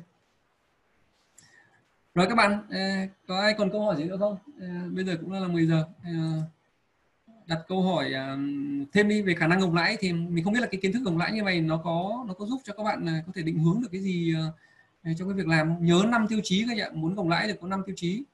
Đúng không? Đầu tiên là phải hiểu biết về cái lĩnh vực mình đầu tư phải có nguồn vốn tốt phải xác định được cái ngưỡng chịu đựng của mình cái cái cái cái, cái ngưỡng gồng lãi của mình ở đâu phải xác định cái vị thế của mình tham gia đầu tư của đó là cái gì và phải vượt qua được cái chuyện cơm áo gạo tiền. Thì với cái năm cái tiêu chí như thế thì các bạn mới mới có khả năng gồng lãi tốt được. Còn thiếu một trong cái các ừ, tiêu chí đấy thì ừ, cái khả năng gồng lãi cái nỗi sợ hãi của bạn nó sẽ lớn hơn cái sự kỳ vọng. Và bất cứ khi nào cái sự cái sự sợ hãi lớn hơn sự kỳ vọng thì thì bạn sẽ không thể gồng lãi tốt được. Và bạn phải đảo ngược cái cái, cái phương trình ấy đi. Đấy là đấy là cái cái sự kỳ vọng của bạn nó phải đủ lớn lớn hơn cái cái cái nỗi sợ hãi thì khi đấy các bạn mới gồng lãi được và cái sự kỳ vọng ở đây không phải là kỳ vọng mù quáng. Không? Cái sự kỳ vọng ở đây là phải có sự hiểu biết. Thì như vậy thì thì thì các bạn mới mới mới mới đầu tư có trí tuệ được. À, thầy chia sẻ một cái game tài chính để rèn luyện khả năng gồng lãi. À, một trong những cái game mà mình hay hay dùng nhất ấy đấy là cái game poker. Cái game poker. Ở đây mình muốn nói là cái game poker mọi người hay hiểu sai nó là cái game đánh bạc. Nhưng mà đánh bạc hay không là do cách mình dùng mình dùng cái game poker để rèn luyện cái khả năng ờ, đầu tư cái quyết định về đầu tư khả năng tĩnh tâm khả năng đi vốn khả năng chịu đựng được những cái khoản lãi thì ờ, trước đây thì mình cũng đã tổ chức được một vài lớp rồi như là chơi poker để rèn luyện ờ, tư duy đầu tư tài chính. Rất hay các bạn rất hay. Làm khi mà chơi cái đấy thì tâm mình tĩnh rất là nhiều là và nếu có điều kiện thì mình sẽ sẽ, sẽ mở lại những cái cái cái cái cái, cái, cái lớp như thế để để có thể chia sẻ cho các bạn. Còn nếu không các bạn cứ lên mạng các bạn học cái cái cái nguyên tắc để chơi poker cái cái, cái, cái trò chơi poker ấy cái game để học nó. Rồi trên mạng có rất nhiều các cái ứng dụng để mình đánh miễn phí mình, mình chơi miễn phí. Xong thì chơi uh, chơi và rèn luyện cái khả năng gồng lãi vui lắm vui. Uh, và có những lúc mình mình mình bồng bột mình ra quyết định uh, non ngon mình mình tự nhận diện ra mình non nớt như thế nào ở trong cái cái cuộc chơi đầu tư tài chính ấy. nếu nếu gồng lãi dựa trên chu kỳ thị trường rồi té nhờ nhảy vào bên kia sườn đồi có được không thầy? Ờ, cũng là một cách nếu mà bạn làm ở trong cái sự sáng suốt trong sự hiểu biết ấy, thì thì đó cũng là một cách. Tức là bạn bạn định hình rõ đấy là bên kia sườn đồi. Bạn bạn hiểu được nguyên tắc bên kia sườn đồi rồi. Ờ, có sự hiểu biết bằng cái chu kỳ của thị trường. Mình biết thì chuyện đấy cộng thêm chuyện các bạn chọn sản phẩm tốt nữa nhé nhảy vào bên kia sườn đồi nhưng mà nhảy vào sản phẩm lởm thì thì cái chết nó còn nhanh hơn. Bởi vì khang đang bên kia sườn đồi nó chưa xuống mà. Giống như nguyên tắc bình bình quân giá các chị bình quân giá của một sản phẩm tốt thì đem lại cho bạn lợi thế nhưng bình quân giá vào cái sản phẩm rác thì nó giúp bạn chết nhanh hơn. Thì làm gì làm nó phải kết hợp nhiều yếu tố. Chu kỳ thị trường ok rồi nhảy vào bên kia sườn đồi ok rồi nhưng mà phải chọn được sản phẩm tốt. Bởi vì sản phẩm tốt nó sẽ có cơ hội bật lại. Nhưng mà sản phẩm xấu thì tiếp tục nó thoái trào hơn nữa. À, thiền có giúp được bọn em tĩnh tâm và nâng cao khả năng đó không thầy? À câu hỏi này hơi sâu này. À, thiền nó hơi hơi ngược lại một chút. Lúc nào có điều kiện chắc cái này nó phải chia sẻ riêng chia sẻ online thì nó hơi phiêu. Ờ, mình cũng đi thiền nhưng mà nhưng mà nó đóng góp một phần và theo cái cạnh khác thôi thôi rồi cái này lúc nào mà có điều kiện sẽ nói chuyện thêm. À, có bạn hỏi là cho mình hỏi đồng hot là platform giống ADA phải không? À, đồng hot không biết có bạn bạn hỏi cái đồng đồng hot này chính xác là cái đồng gì mình không nhớ lắm nhưng mà có vẻ hình như nó nó là cái đồng mà mà nó phát triển xa hơn ADA ấy. Hiện tại nhá platform tương đương với ADA chỉ có EOS, Tejo, ADA không? ba cái lớn nhất. Ethereum 2.0 đang cố gắng ngoi lên nhưng mà thành hay bại còn chưa biết được. Ngoài ra có một số dự án như là IOTA, uh, Hardgraph, Zilliqa, uh, thêm thêm cái gì đó nữa ấy, thì nó lại là công, công nghệ còn xa hơn cả blockchain 3.0 như mình chia sẻ trong cái video về ADA các bạn thấy rằng là những cái công nghệ mà xa xa như thế thì cái tính rủi ro về cái độ thành công của nó còn còn còn còn còn thấp hơn rất nhiều lần chưa kể cái chuyện là nếu các bạn mà đầu tư vào cái công nghệ nó xa quá thì các bạn bị mất đi cái cơ hội của cái sóng hiện tại này là nó đang đến rất gần là tháng sau rồi là chỉ có mấy tuần nữa thôi. Ví dụ như thế thì đừng đừng đừng nhìn xa quá trong giới công nghệ. Vì nói thật là bản thân mình cũng thừa nhận là mình bị nhảy sai sóng. Ừ, đáng nghĩa là vì iOS nó thành công trước đấy nhá mình phải nhảy iOS trước xong mình nhảy vào Tezo xong mình nhảy, mới nhảy vào ADA. Thì nếu mà nhảy được ba cái nhịp sóng thì rất đẹp rất tuyệt vời nhưng vì mình mình quá đắm đuối với cái đồng ADA cho nên mình nhảy vào ADA quá sớm, cho nên mình mất một cái sóng về về Tezo mình mất một cái sóng iOS. Và bây giờ là đến lúc sóng của ADA thì thì các bạn phải nhảy trình tự chứ các bạn đừng đừng đừng nhảy xa quá. Kết hợp chat của thị trường vào biểu đồ tâm lý thị trường thì thầy đánh giá thị trường ở giai đoạn nào có nhận xét về xu hướng sắp tới. Ờ, tôi không biết ờ, bạn đang hỏi thị trường nào. Ví dụ hỏi thị trường chứng chứng khoán thì thị trường chứng khoán mới bắt đầu ở bên kia sườn đồi thôi thị trường bất động sản thì nó còn chớm chớm ở trên tận đầu đỉnh của bên kia sườn đồi cho nên là thị trường chứng uh, thị trường bất động sản phải đợi khoảng một năm đến hai năm nữa. Uh, thị trường chứng khoán thì chưa đâu đúng không? bây giờ nó đang có vẻ hình chữ V.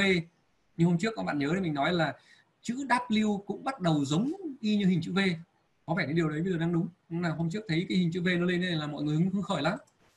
Ờ, còn thị trường crypto thì với cá nhân mình đánh giá thậm chí là đúng nó đang ở bên kia sườn đồi rồi và thậm chí nó đã vượt qua cái cái cái giai đoạn điều chỉnh ở bên kia sườn đồi rồi.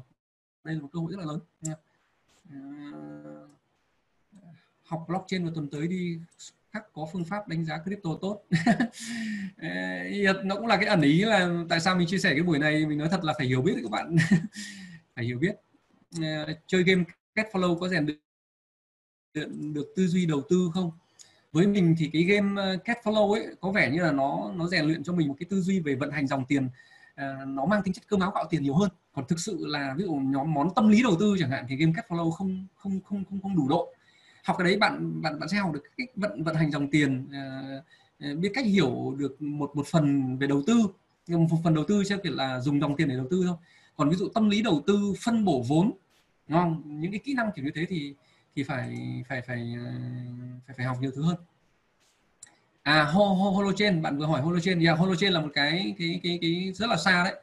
Holochain này Zilliqa này IOTA này hgraph này là mấy cái nó nó xa hơn. Cho nên là các bạn ờ, quan điểm của mình ấy là mình chưa đến lúc sẽ có đến lúc mình sẽ đầu tư vào chỗ đó.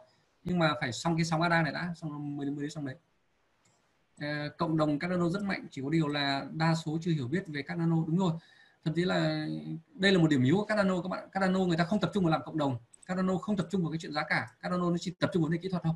Thậm chí là Hawkinson lên nói rằng là chúng tôi ở đây không phải để giúp các cái trader làm giàu. Cho nên là giá là bao nhiêu thì kệ chúng mày. Đúng không? Tao chỉ tập trung vào vấn đề công nghệ thôi. Cho nên là truyền thông các thứ thì trước đây à, Cardano cũng không tập trung truyền thông nhiều. Nhưng bây giờ bắt đầu bắt đầu mình thấy họ bắt đầu để ý rồi. Bởi vì là họ những cái đội mà tập trung vào vấn đề kỹ thuật thôi và đấy là một, với mọi người thì là điểm yếu về giá cả, nhưng với mình đấy là một điểm rất mạnh về giá trị. Các bạn nhớ là giá cả bằng giá trị cộng cảm xúc. Thì cái chuyện mà truyền thông rồi cộng đồng biết nhiều ấy, nó sẽ đẩy được cái cảm xúc lên. Thì những cái đồng mà chưa được đẩy cảm xúc, nhưng bây giờ ấy, mà giá trị nó đang có rồi mà cảm xúc chưa được đẩy, thì đấy mới là cơ hội rất lớn cho mình để để đầu tư vào giá cả. Cho nên là giá cả bằng giá trị cộng cảm xúc. Cái phương trình rất là hay các bạn. Và bây giờ là cơ hội rất lớn. Nói thế thôi nhé các bạn. Ờ, mình chỉ khuyến cáo lại rằng là kết thúc cái này các bạn đừng có lao vào, các bạn mua mua ở trong tâm thế không hiểu biết nó chẳng đem lại cho các bạn cái lợi thế gì cả. Các bạn vẫn cứ phải tìm hiểu cái sản phẩm mình đầu tư nhá. Chứ không lại bảo là sau cái buổi hôm nay lên nghe thấy thầy nói hay quá thì ngày xưa có học viên cũng nói rằng là thấy thầy em chót nghe theo thầy rồi cho nên là bây giờ em cũng khó khăn về tài chính thầy cho em xin lại học phí. Thì rất là xin lỗi là những trường hợp như thế là do các bạn tự quyết tiền ai người đấy quyết. Ừ, tôi có quyền nói nhưng mà các bạn có quyền quyết. À, khủng hoảng kinh tế có cơ hội bắt bên kia sườn đồi trong năm nay không thầy? Ờ, các bạn phải tùy theo thị trường. Các bạn hỏi chung chung như này khó lắm. Tùy cái có thể bắt được. Ví dụ bất động sản chẳng hạn chưa đến bên kia sườn đồi đâu còn lâu. Chứng khoán vẫn chưa bên kia sườn đồi còn lâu. Không thì uh, nếu các bạn muốn cập nhật cái thông tin này thì các bạn vào cái um, cái t.mi.chấm ờ, cộng đồng tài chính ấy ở, ở trên telegram ấy mình cập nhật thông tin cứ hàng ngày lên trên đấy. Phân tích các thông tin trên đấy rồi trao đổi thông tin trên đấy thì các bạn vào cái trang ờ, telegram nha uh, game thầy vừa nói là tên là gì? Game poker các bạn game poker các bạn nhớ là cái game poker này rất rất gần với đánh bạc nhé các bạn nhé, rất gần với đánh bạc. Nhưng mà nó giống như khẩu súng ấy, chúng ta dùng nó theo hướng thiện thì nó thiện, mà chúng ta dùng theo hướng ác thì nó ác, theo hướng tà thì nó tà. Cho nên là nhiều nhiều bạn à, học viên sau khi mà được mình chia sẻ kiến thức về poker thì cũng đi đánh poker chuyên nghiệp luôn. Thì đấy không phải là cái điều mà mình định khuyến cáo các bạn. Chơi cái món ấy rất hay, ở trong đó nó có vừa yếu tố kinh tế, vừa yếu tố tâm lý.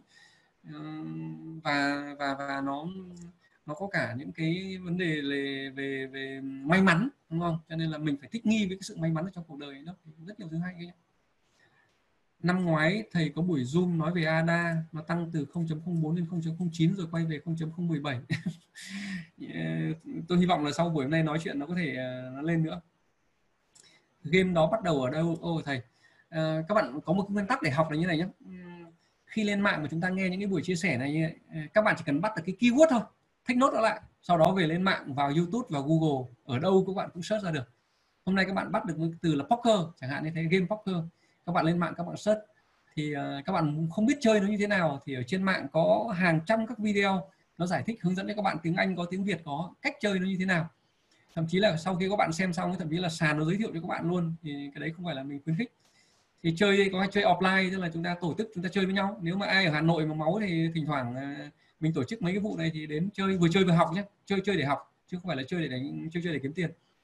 À, trên trên mạng thì nó có những ứng dụng miễn phí là Poker Star ấy. Ờ, thỉnh thoảng ờ, hầu như tuần nào mình cũng chơi. Chơi một là để giải trí hai là để rèn luyện cái kỹ năng của mình.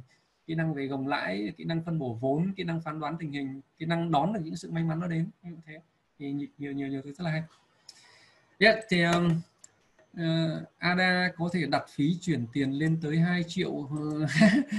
Nó không như Ethereum đâu. Ethereum hôm vừa rồi có cái ờ, lỗi rất là hay đúng không các bạn? Ờ, thôi cái đấy thì là, là một, một vấn đề nó nằm ngoài cái này. Giờ có khi nào ADA về lại 0.03 và up luôn bền vững hơn không thầy? À, chắc là bạn này chưa mua được. Ờ, nếu mà các bạn ờ, muốn ờ, ADA về 0.03 thì các bạn phải đợi cái cái cái cái cú mà chuyển sang kỷ nguyên Chile nếu thất bại thì nó khả năng về 0.00000 xx đúng không nào? Còn nếu nó thành công thì mình không tin, mình không tin. Bởi vì các bạn biết rằng là nếu mà sau khi Chile thành công thì bắt đầu nó có cái stacking nữa. Các bạn cứ tưởng tượng ai đấy mà mua được một triệu ADA họ có stacking trung bình một năm họ được 100 nghìn. 100 nghìn ADA mà họ nắm giữ mà ADA cứ lên một đô thôi, thì cứ một năm có 100 nghìn đô la rồi thì đấy là đủ tiền về hưu rồi thì việc gì phải bán đi nữa. Cộng thêm chuyện mà um, có ADA thêm đấy là tương đương một triệu đô nữa đúng không? Giờ mình mình phân tích cho các bạn vừa nãy rồi liệu nó có lên đến một đô không? Thì à, với với cái kiến thức mà mình có được thì mình đủ niềm tin như thế. Còn các bạn có tin hay không thì mình không biết nhưng mà với niềm tin của mình mình tin như thế thì, thì bây giờ nhiều người bắt đầu cũng hiểu biết cái này thì họ không xả đâu họ không xả đâu.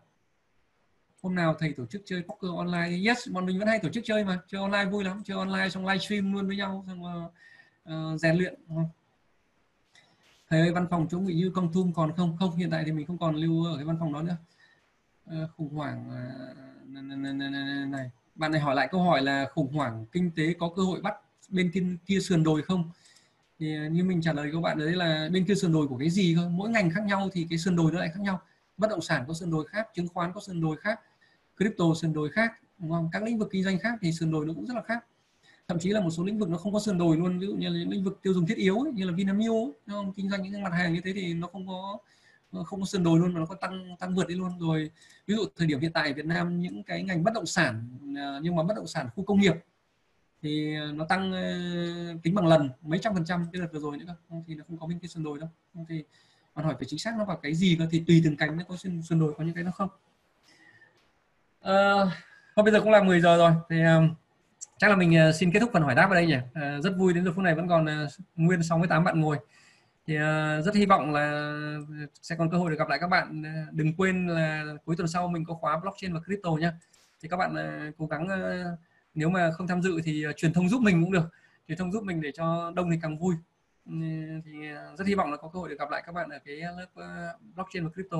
Và cái lịch một tuần sau đấy nữa nếu các bạn muốn cái chuyên đề gì ấy, thì ờ, các bạn có thể ờ, chat ở trên cái ờ, cái cái cái, cái group telegram ấy để mình biết xem là cái chuyên đề gì. Các bạn quan tâm thì mình sẽ chọn một cái chuyên đề để mình chia sẻ tiếp trong phần tiếp theo.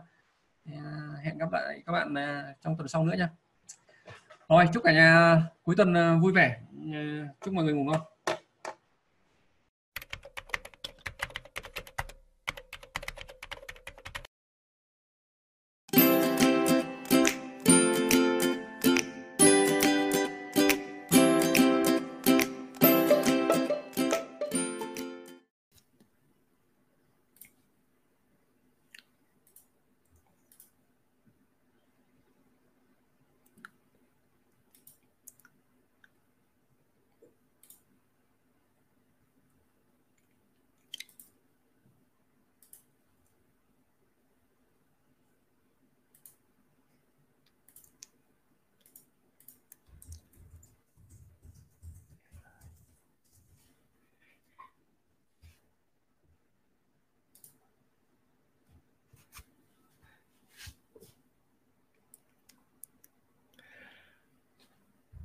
Hello, hello, hello.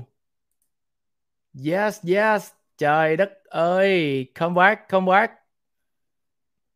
Thiệt sự luôn. Đâu có, đang khúc hay mình giảng luôn cho hết cái bài phần hay chứ cả nhà để cho cả nhà come back cho xong luôn chứ. Đâu tự nhiên ngày mai nói lại chi nữa cho nó cực tốn công lắm cả nhà. Ok, mình sẽ come back lại luôn ha. Đợi một xíu. Rồi uh, Vô đi anh em ơi, trời ơi. Ai có cái link không cả nhà gửi công cái group giùm tôi một cái cho mấy bạn mới về ao xong tưởng tôi ao luôn á.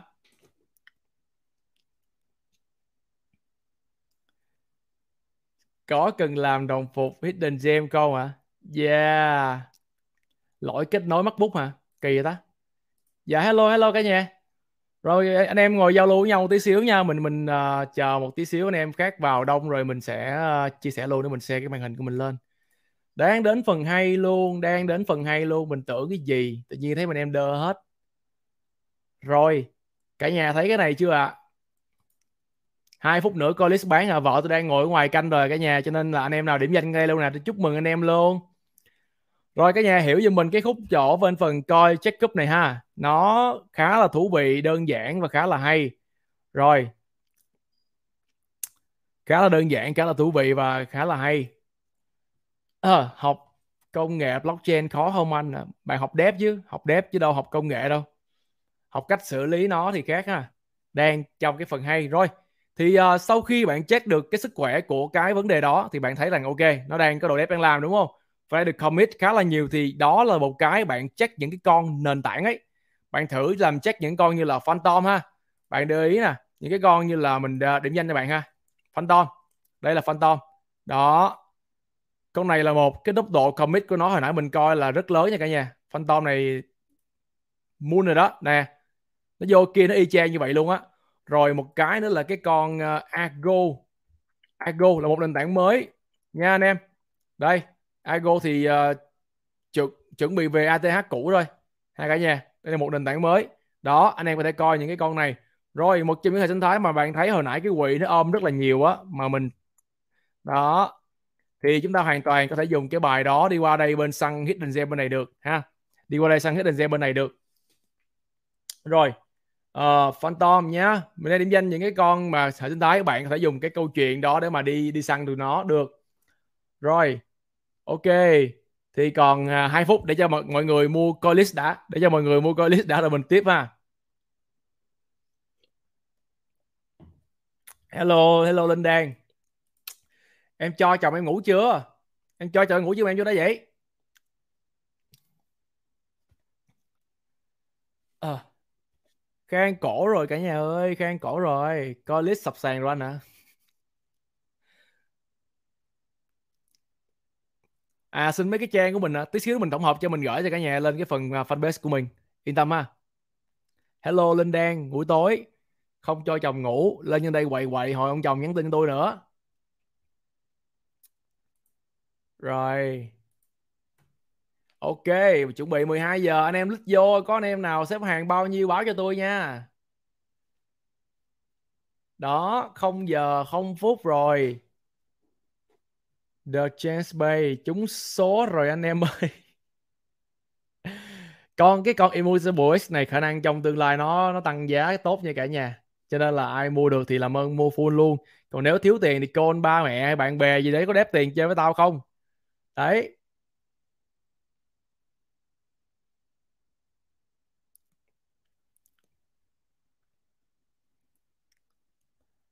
Yes, bốn mặt không biết sao 500k 500k chắc là đi xa rồi quá 41 ngàn. 41 ngàn là tổng mình lấy tổng số bán đó mình chia ngược cho cái số token thôi. Cả nhà là ra xếp hàng là bao nhiêu nè? Một người là mua 500 con một con là 10 đô. Thì bạn bạn cứ lấy cái số đó chia ngược token là ra cái khoản trừ thôi. Đó anh em chia giùm tôi coi có bao nhiêu là là có thể mua được 502 ngàn 67 ngàn. Hồi nãy bạn kia 41 ngàn chắc may ra đó.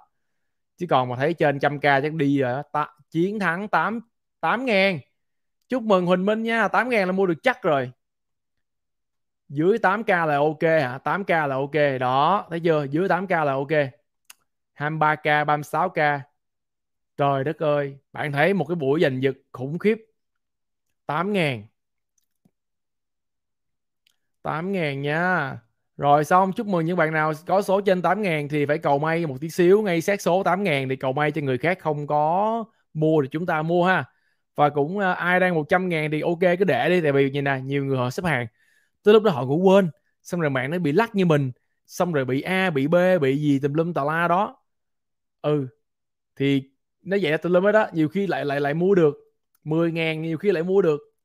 Chờ ha ai đang nằm trong khoảng đó chờ? Nhân phẩm chán thế. Không phải đâu cả nhà ít người mua được lắm. Và bạn thấy một cái chuyện á, ở đây á, là khi mà bạn mua cái này bạn sẽ thấy được một cái chuyện là cái lý thuyết trò chơi của nó để trong cái vấn đề liên quan đến marketing rất là tốt. Chỉ tốn có một khoản chi phí thôi cho những cái đồng token này được release ra. Nhưng đổi lại biết bao nhiêu lượng traffic biết về mình, bao nhiêu bài báo nói về mình và bao nhiêu trang web nói về mình, không thể nào đếm hết luôn. Không thể nào đếm hết luôn. Ha. Rồi. Ok, rồi các anh em khác đang là buồn bã, vồn vã với nhau rồi đúng không ạ? Không còn muốn quay vô cái livestream của tôi luôn. Ghê thiệt đó.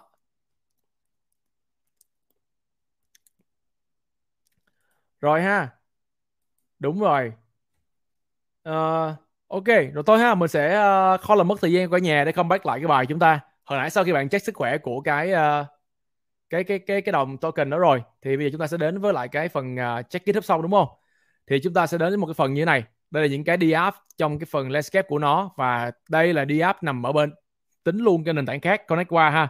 Cho nên là chúng ta sẽ điểm danh lại những cái thằng phát triển bên trong của nó thôi. Rồi uh, nào là metaverse mới vừa ra con này. Đó infrastructure những con này. Thì đa phần chúng ta không nếu bạn là người follow về gaming về cái metaverse thì bạn tập trung vô những cái một bản này. Còn mình thì mình thích bên mảng DeFi hơn.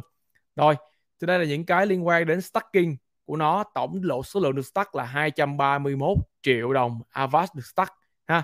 Rất là tốt như thế này. Total validator là 1 ngàn đó. Rồi thì uh, ok nha. Thì mình sẽ next qua tiếp theo. Rồi đây là cái phần uh, cái roadmap thôi. Thì nó làm cái gì gì đó cập nhật. Chúng ta có thể coi được trên website của họ. Rồi. Đây đây là top 3 những cái token trên đây mà có độ tăng trưởng khá tốt. We, PNG và Joe. Thì đây cũng là ba cái con mà mình muốn các bạn focus vào nó và sẽ tìm kiếm những cái con đối trọng của những cái con này nằm bên những hệ sinh thái khác như là Luna, như là Phantom, như là Ago đâu đó thì sẽ phải có những cái con làm những cái vị trí y chang như thế này. Bạn nhìn nè tất cả những cái con sẽ phải phát triển. Một là AMM và hai là là cái thằng này là liquidity marker ha. Rồi ok nha. Thì uh, bạn có thể thấy được những cái chuyện như thế này và chúng ta đối chiếu sang những bài toán tiếp theo ha bạn ha đối chiếu sang bài và nếu bạn nào có thấy là ok thị trường này vẫn còn tiềm năng với bạn bạn có thể hoàn toàn đầu tư đó là do cái ờ, uh, quyết định của bạn nha. Rồi uh, hidden gem thì không phải đâu mà mình điểm mặt qua những cái con sáng giá trong cái hệ sinh thái này thôi ha. Không phải như cái bánh bự như thế này làm sao mà mà, mà biết được đúng không? Thì mình điểm giá đánh giá lại thôi những cái con bạn cần lưu tâm. Rồi thì đây đây là những cái con trong hệ sinh thái của nó bạn cần lưu tâm ha. The Snow, Sava, Jack, ờ, uh, BNG, Joe và Quy. Rồi, ok chúng ta đi vào nhé. Thì bạn thấy ha, top trên đây có đồng này tăng giá, hàng Joe tăng giá. Đây đây đây, những gương mặt sáng giá và chúng ta có thấy hai gương mặt đại diện rất là quen tính từ Covalent và đến cái đồng này. Mình hãy kiểm tra cho các bạn bên DeFi đấy. Cả nhà ha mình hay kiểm tra cho các bạn bên cái mảng DeFi bạn thấy cái hình con bò này mình kiểm tra bên cái đồng hôm bữa ờ, DeFi Lama không rồi anh em thấy uh, Covalent nhúng ở nhiều nơi rồi và hôm bữa bên cái hệ sinh thái của Phantom hình như cũng có over Covalent đấy. Rồi thì đây là những cái mặt sáng giá của tụi nó. Anh em à. Rồi thì mình đi sâu vào. Ok thì chắc chắn rồi. Mình thì rất là đam mê chuyện này và mình thích thằng Dex AMM Dex. Thì đây là một cái AMM Dex thôi. Thì anh em mình điểm danh thôi. Và anh em có thể đi tìm hiểu nó đọc tin của nó trên những cái trang rất là đầy rồi. Nhiều tin ha. Rồi tiếp theo uh, làm về landing. Đấy thằng quy. À, làm về landing cung cấp thanh khoản các kiểu đấy. Chính. Rồi uh, thằng đây là thằng Jack anh em làm về gel farming. Đó gel farming. Ba con nha. We Jack với lại uh, Pangolin. Rồi Joe. Joe này là một con tăng trưởng khá là đột biến mà vẫn làm AMM deck luôn ha anh em? Thành ra túm lại là uh, Snowball này làm về gel farming. Đấy lại là gel farming lại là landing là AMM Dex chỉ có như đó thôi. Và nền tảng Launchpad 5 con. Đấy con hàng năm con hàng Launchpad như thế. Rồi và và sau khi đó anh em thấy à nó liên tục partnership với những thằng lớn. STSUV Pangolin chơi với Snowball. Đấy rồi nó connect với lại các ví coi 98 wallet split mấy con này của nó lên. Rồi à, các nền tảng khác được ra mắt liên tục trong hệ sinh thái của nó Pangolin rồi WeLive bên Chainlink. Đấy thì nó hết phần của mình. Và cuối cùng mình muốn điểm danh lại với cả nhà là nó sẽ có năm cái con quan trọng như thế. AMM, Dex, Landing và cái liên một cái cuối cùng là liên quan đến với lại cái um, là Lunchpad rồi ok thì uh, chỉ có như đó thôi nha anh em. Và anh em sẽ phải uh, chú ý một cái ha chú ý một cái bây giờ chúng ta sẽ sang nhà sinh thái khác. Chúng ta vào chúng ta thấy một cái đồng tiền nó đủ xong sản phẩm rồi. Con nền tảng bắt đầu tăng giá. Bạn vào bạn check cái phần GitHub của nó bạn thấy ô oh, có dev đang làm và càng ngày càng tăng trưởng rồi. Chúng ta có hai thông tin đó ổn đúng không? Hai thông tin đó giúp chúng ta bắt đầu đi nghiên cứu hệ sinh thái bên trong đó. Rồi chúng ta có thể mua con nền tảng được hay không? Vào cái tầm giá này thì bạn phải phân tích lại một cái biểu đồ lịch sử của nó một tí. Rồi sau đó đi săn những cái con gem bên trong đó. Đi săn những cái con gem bên trong đó thì chúng ta săn những con gì? AMM, DEX, Liquidity, uh, và một con gel farming và một cái nữa là bên cái nền tảng um, Launchpad rồi vậy thì bây giờ là ủa như, như vậy thì phân bổ vốn ra làm sao và đầu tư như thế nào đúng không? Ok đối với mình bây giờ mình sẽ nói cái case study của những người anh em mình đầu tư thôi là từ 60 cho đến 70 phần trăm là bạn phải ôm cái con nền tảng, đúng không ạ? Rõ ràng rõ ràng là như vậy luôn, là mình sẽ ôm cái con nền tảng nhá. Mình ôm cái con nền tảng để làm gì? Để vì tất cả những cái gì trong hệ sinh thái nó tăng thì buộc lòng con mẹ sẽ tăng giá và 70% tiền của mình chắc chắn phải tăng giá, đúng không ạ? Đúng không ạ? Đúng trước cái đã cả nhà, đúng trước cái đã. Cả nhà đồng ý với cái quan điểm của mình là phải tầm 60 đến 70% bạn phải ôm cái con mẹ đấy nhá rồi ờ, ôm con mẹ trước như thế thì nó sẽ gây cho một cái portfolio bạn nó cứng hơn cứng rất nhiều. Rồi sau đó còn lại 40% bạn sẽ đẩy vô đâu? Rồi 40% còn lại như câu chuyện cũ này thì cá nhân mình nha nếu mà là mình trong cái bài toán của thằng này mình chỉ đi ôm đúng khoảng mình đi ôm à, từ từ. Bắt là một tí. Mình đi ôm con này nè mình đi ôm AMM mình đi ôm con này con Quy. Và mình đi ôm à, không ôm con này. Mình ôm con này luôn AMM tiếp. Và Snowball.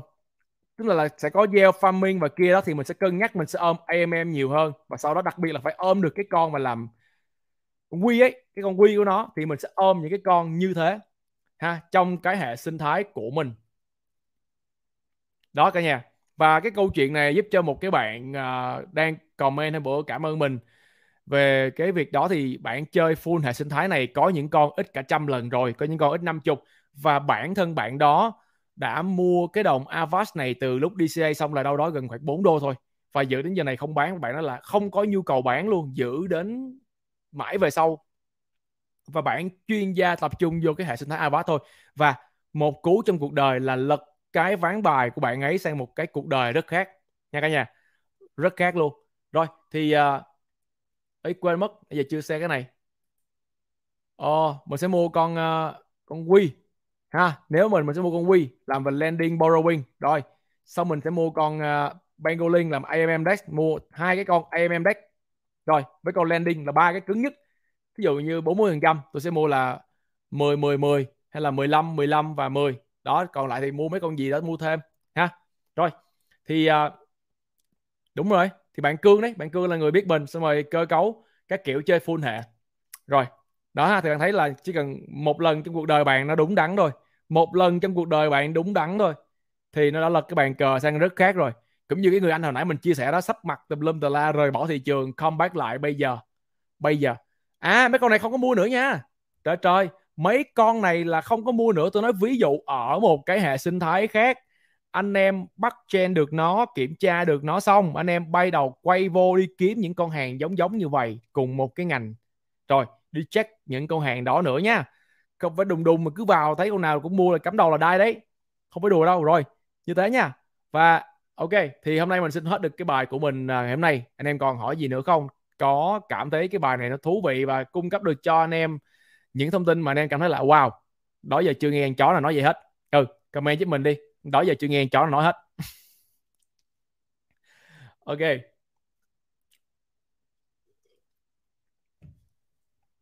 Uh, thì hồi nãy anh em cũng thấy rồi một cái slide mình có nói là nó so sánh là comparison của nó với lại ngay từ đầu là nó so sánh với nó với Nia. Và Nia anh em nhìn thấy rất là mới á. Đây mỏng. Mỏng hơn nó. Thì hoàn toàn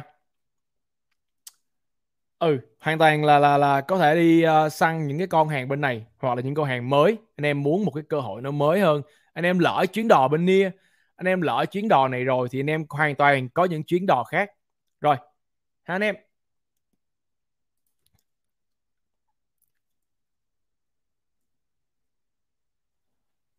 Ok. Rồi bạn nào nếu mà là người mới á, thì có thể vào cái group uh, Hidden Gem của tụi mình để mình coi.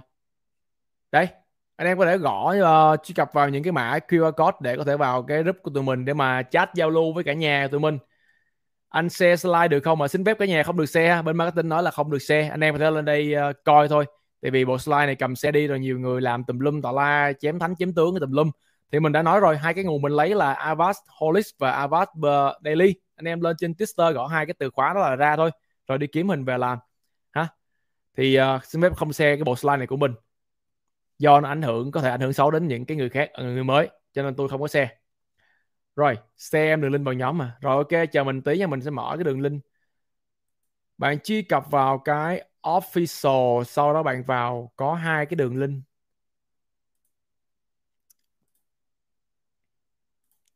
Anh em chờ mình tí mình lấy cái đường link chat để mình gửi cho cả nhà. Rồi thì uh, sắp tới coi nền tảng cũng đầy luôn cho nên là mọi người cứ dùng công thức này mình nghĩ rằng với những cái này và cái bài cũ ấy cái bài mà liên quan đến cái uh, hai bài bạn có thể dùng hai bài. Một là cái bài này là xong rồi đúng không? Và một cái bài mà hôm bữa mình có nói vào cái ngày sinh nhật của mình ấy. Cái ngày sinh nhật của mình là cái bài nào? Đây cả nhà cái bài này mà sau 12 giờ đêm cái bài này mà sau 12 giờ đêm khúc sau ấy nó rất là hay. Thì đối với hai bài đó thôi mình nghĩ rằng và cái, những cái thông tin như là đủ như là DeFi, blockchain, basic này, những cái bài như thế này, nó giúp cho bạn săn được đồ chơi như ý muốn rồi. Mình thề đấy, mình thề.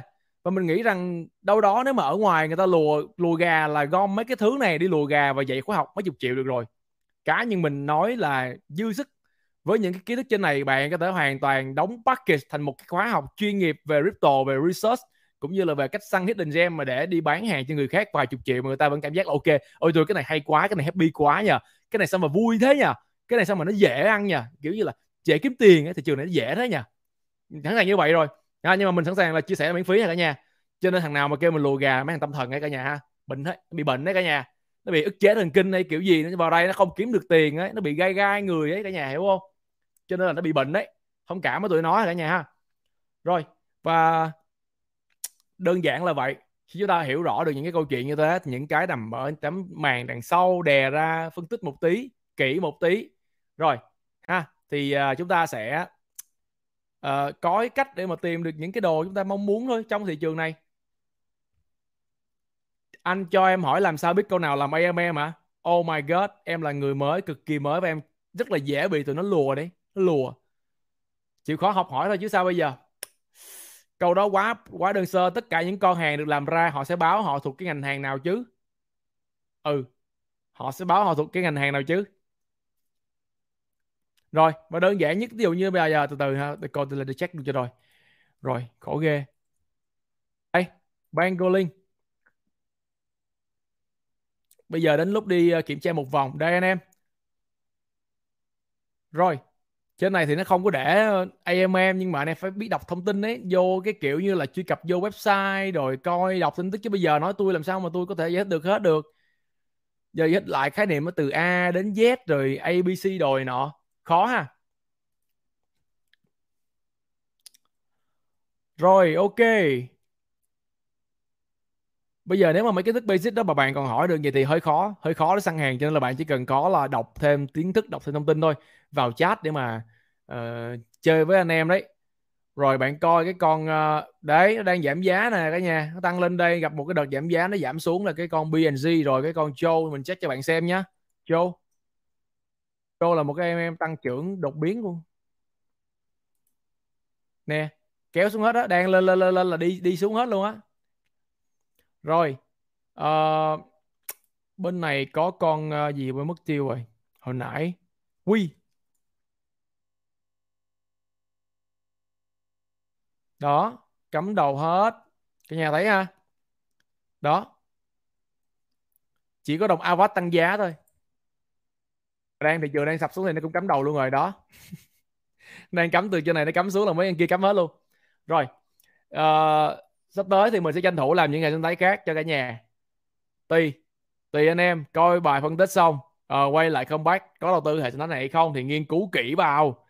Nghiên cứu kỹ vào để có niềm tin mà giữ thôi ha để có niềm tin mà giữ nó. Mua rồi thì đừng có bán giữ nó đến cái mục target mình muốn đấy chứ tăng trưởng ba chục phần trăm cầm đi bán thì lại quá là bèo.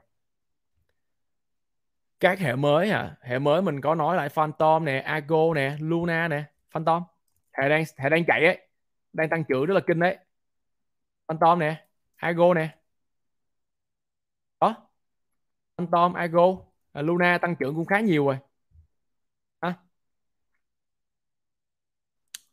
rồi uh, ok nha. Anh gì biết con má không biết?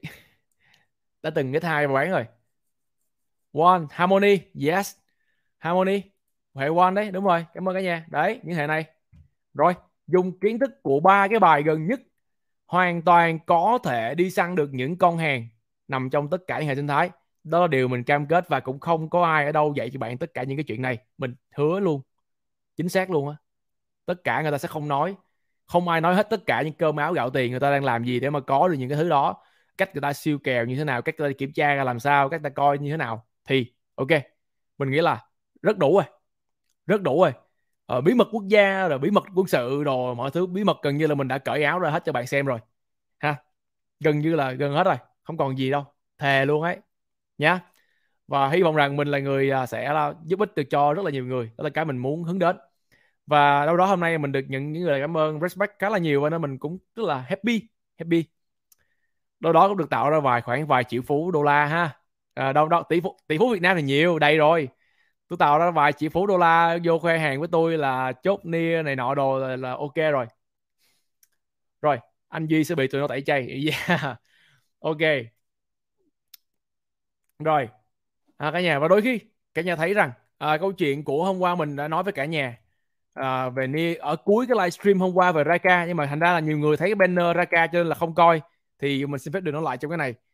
Nếu nếu đây à, mình sẽ phép được mở hai cái biểu đồ. Nếu đây nếu cái bạn đang thấy là đỉnh của ngày hôm nay thì bạn phải nhìn lại một cái vấn đề liên quan đến cái con Sol. Hãy mang thằng này đối chiếu thẳng với thằng Sol giúp mình một cái. Đây bạn đang nằm ở chỗ khúc này gần 13 14 đô bên Sol nè. Chúng ta đang nằm ở nia ở khúc này. Và nếu chúng ta chờ được một năm hai năm thì bạn hoàn toàn có khả năng kéo được lên đến khúc này. Đúng không ạ? à? Và cái chỗ này nó chỉ có giá trị nếu như bạn không buông bỏ target của mình mua từ những cái vùng 1 2 đô như thế này. Ai đó đang cầm 1 đô 2 đô như thế này. Vậy thì bạn hỏi mình là khi nào chốt, khi nào bạn cần tiền để làm việc gì đó ở ngoài? Khi tôi cần tiền, đổi một cái nhà mới tôi cần tiền để mua một chiếc xe hơi mới, tôi cash một ít ra. Ok, để tôi xử lý các cái vấn đề của tôi. Vậy thôi. Đó thì còn lại cứ để đó cho mình như một khối tài sản. Bởi vì bạn ôm vào cái cái mã mà là con mẹ thì khó khi nào nó bị giảm giá lắm trừ khi hệ sinh thái sập. Bạn thấy uh, câu chuyện đã xảy ra ở những cái thứ này. Rồi à, câu chuyện cũng đã xảy ra ở bên Bukadot rồi ở cả Ada rồi. Thì mình hy vọng rằng những cái câu chuyện cũ nó giúp cho bạn người chờ đợi kiên nhẫn đủ lâu và để chờ đợi và kiên nhẫn được thì bạn phải chỉ có một cách thôi. Hiểu những gì bạn đang mua. Và bạn thấy một cái câu chuyện mình muốn chia sẻ là cùng là sự chờ đợi nhưng mà phải có người bán phải có người không bán đúng không ạ? Rồi thì ai, ai sẽ là người không bán? Cái người nhiều tiền họ sẽ không bán. Bây giờ cùng một tri thức nè cùng một sự hiểu biết thằng nào thằng không bán? Một thằng cầm 8 triệu đô một thằng cầm 800 triệu Việt Nam và một thằng cầm 80 triệu Việt Nam thằng bán trước chắc chắn sẽ là thằng 80 triệu, bởi vì nó rất khó khăn. Rồi, thằng 800 triệu có thể nó không bán, nhưng mà một target nào đó, ít 5 ít 10 nó nhìn tài khoản nó chịu không nổi nó sẽ bán. Rồi, thằng còn 8 triệu đô trong tài khoản nó sẽ không bao giờ bán cho đến khi nó cần thiết. Và đó là cái bí quyết mà phải luôn luôn gia tăng nguồn cash flow để sau lưng, để cho bạn có thể bình an và yên tâm giữ những cái đồng target của bạn đến một cái ngưỡng cần thiết. Và đó là lý do vì sao mà bạn Hồ Anh Đức cầm cái đồng Sora đến tận ít 400 lần vẫn không bán. 400 lần. Crazy. Và tại sao bạn bạn chi lê có thể cầm cái con Sol từ lúc 2 đô đến tận giờ này vẫn không bán? 200 lần. Và tại sao anh Minh cầm cái tài khoản con ra ca ít vài trăm lần vẫn không bán? Họ đâu có bị điên. Họ những bạn để ý nha những người có nhiều tiền không bao giờ họ bị tâm thần cả. Trừ mình. Mình không có tiền. Bên kia. Tiền mình bên kia. Ok bây giờ mình, mình mới ngồi đây với các bạn còn tất cả những người mà có nhiều tiền, họ không bao giờ bị tâm thần cả. Và hãy đặt một mục tiêu là tại sao họ làm được chuyện đó? Nha. Và bạn thấy họ có dừng lại không? Không hề. Họ vẫn làm, thậm chí là miệt mài, làm nhiều hơn bạn nữa kìa, để mà kiếm thêm tiền, cash flow để ở ngoài. Và những cái mùa này, bạn biết họ DCA nhiều đến cỡ nào không? Những cái mùa trước hôm bữa xuống giá đó. Nhớ nha. Rồi, ok ha. Vị thế và kiên định bình an tâm nhìn. Để có những thứ đó phải rèn luyện không phải trong một ngày hai ngày đâu. Bạn phải cầm uh, bán được gồng được ít 5 gồng được ít 8 gồng được ít 10 sau đó từ từ gồng lên ít hai chục gồng ít năm chục. Rồi gồng 100 nó quen. Gồng 100 được rồi á bạn sẽ thấy là câu chuyện gồng ít 10 nó easy. Gồng được một hai lần 100 ấy bạn sẽ thấy gồng được ít 10 là chuyện nhỏ là chuyện vứt đi. Nhớ mình nha tại vì có thể bạn không thấm lúc này đâu. Vài năm sau bạn thấy được những cái câu chuyện xảy ra với mình bạn mới hiểu cái mình đang nói là cái gì. Ok vậy ha. Rồi uh, xin uh, phép là chúc mừng các bạn trong những hành trình tiếp theo. Có những cái nước đi nó đúng đắn. Đánh cờ thì biết luật biết nước cờ biết cách đi biết hướng đi thì mọi thứ trong cuộc sống là do chúng ta quyết định. Chịu trách nhiệm một trăm phần trăm đặt cái con cờ xuống đánh rồi là không có đi đổ thừa nào hết tôi hiểu tại sao tôi quýnh nước cờ đó. Sai thì quýnh lại. Sai thì quýnh lại. Reset game được mà. Ha không phàn nàn không làm bèm. Cứ sai thì reset quýnh lại. Và luôn luôn phân bổ vốn thật là tốt nha. Ok rồi ha. Và cảm ơn cả nhà rất là nhiều và đã um, follow với mình. Cảm ơn cả nhà. Hồi nãy xui quá cái livestream tự nhiên đức chứ không mà tự nhiên mất mấy ngày anh em ủ ghê.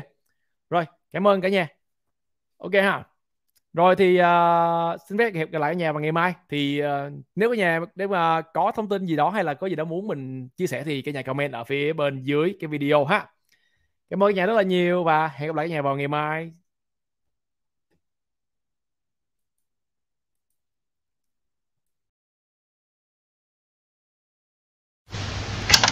Chào mừng anh em đã quay trở lại kênh youtube của HC Capital. Ngày hôm nay mình sẽ cùng với anh em tìm hiểu một dự án cực kỳ tiềm năng có dự phóng lợi nhuận rất cao khi mà nắm giữ dài hạn từ 6 tháng đến thậm chí là vài năm và đó là Casper.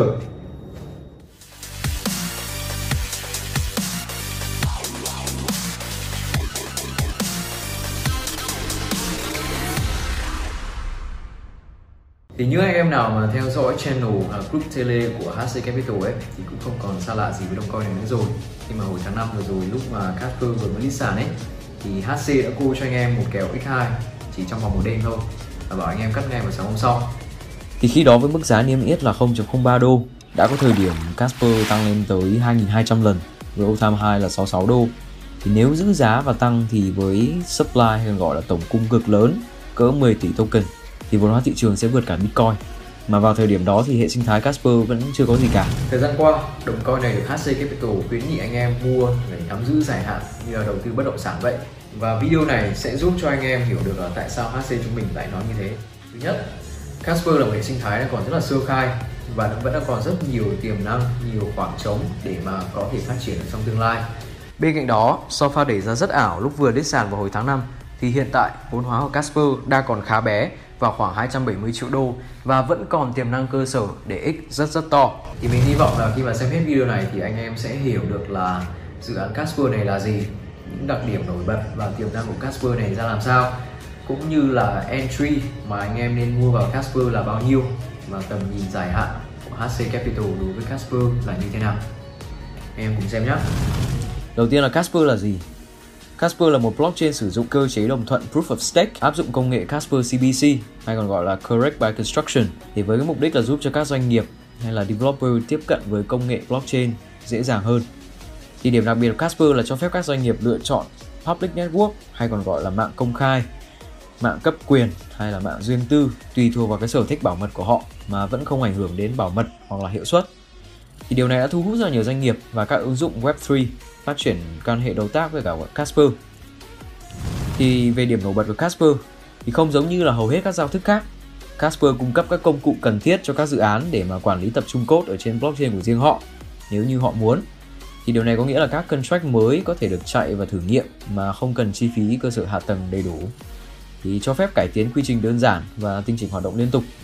Thì một điều cực kỳ nổi bật khi mà nói về năng lượng tiêu thụ thì Casper tiết kiệm năng lượng hơn 47.000% so với mạng Ethereum và 136.000% so với Bitcoin. Thì với cái mức tiêu thụ năng lượng thấp như này ấy, thì mình nghĩ là không quá khi mà nói rằng là Casper là giao thức của tương lai, cạnh tranh trực tiếp với Ethereum và Solana nếu như hệ sinh thái của Casper được xây dựng một cách chuẩn chỉnh. Ngoài ra thì còn có một số điểm nổi bật khác của Casper có thể kể đến như là Casper ban đầu được thiết kế bởi các nhà phát triển Ethereum thì với hai cái đặc tính là finality và flexibility, Casper có được khả năng bảo mật cũng như là thời gian khối có thể điều chỉnh dựa trên điều kiện mạng. Casper được tối ưu cho doanh nghiệp, thì các doanh nghiệp có thể chọn xây dựng các ứng dụng riêng tư hoặc cần sự cho phép ở trên mạng Casper. Với kiến trúc Proof of Stake của Casper thì cái khả năng mở rộng với cái ờ, công nghệ của Casper cho phép sharding, một giải pháp mở rộng cơ sở dữ liệu. Các tính năng khác thì bao gồm các hợp đồng có thể nâng cấp này, gas fee có thể dự đoán trước vào WebAssembly đảm bảo Casper phát triển như các doanh nghiệp. Về đội ngũ dự án của Casper thì các thành viên đều có kinh nghiệm làm việc với các dự án lớn như là Google, Microsoft hay là Adobe và đều có tên tuổi và sự uy tín nhất định ở trên thị trường. Thì ngoài ra thì cái đội ngũ chuyên gia cố vấn của Casper Network chủ yếu là các cái thành viên sáng lập của các cái quỹ đầu tư ở trên thị trường, chẳng hạn như là Dan Chao, CEO của Hashkey Capital, Steven Chen, co-founder của Norris Capital, James Harp, PAL Capital. Ờ, lộ trình phát triển của Casper thời gian qua thì nó như thế nào?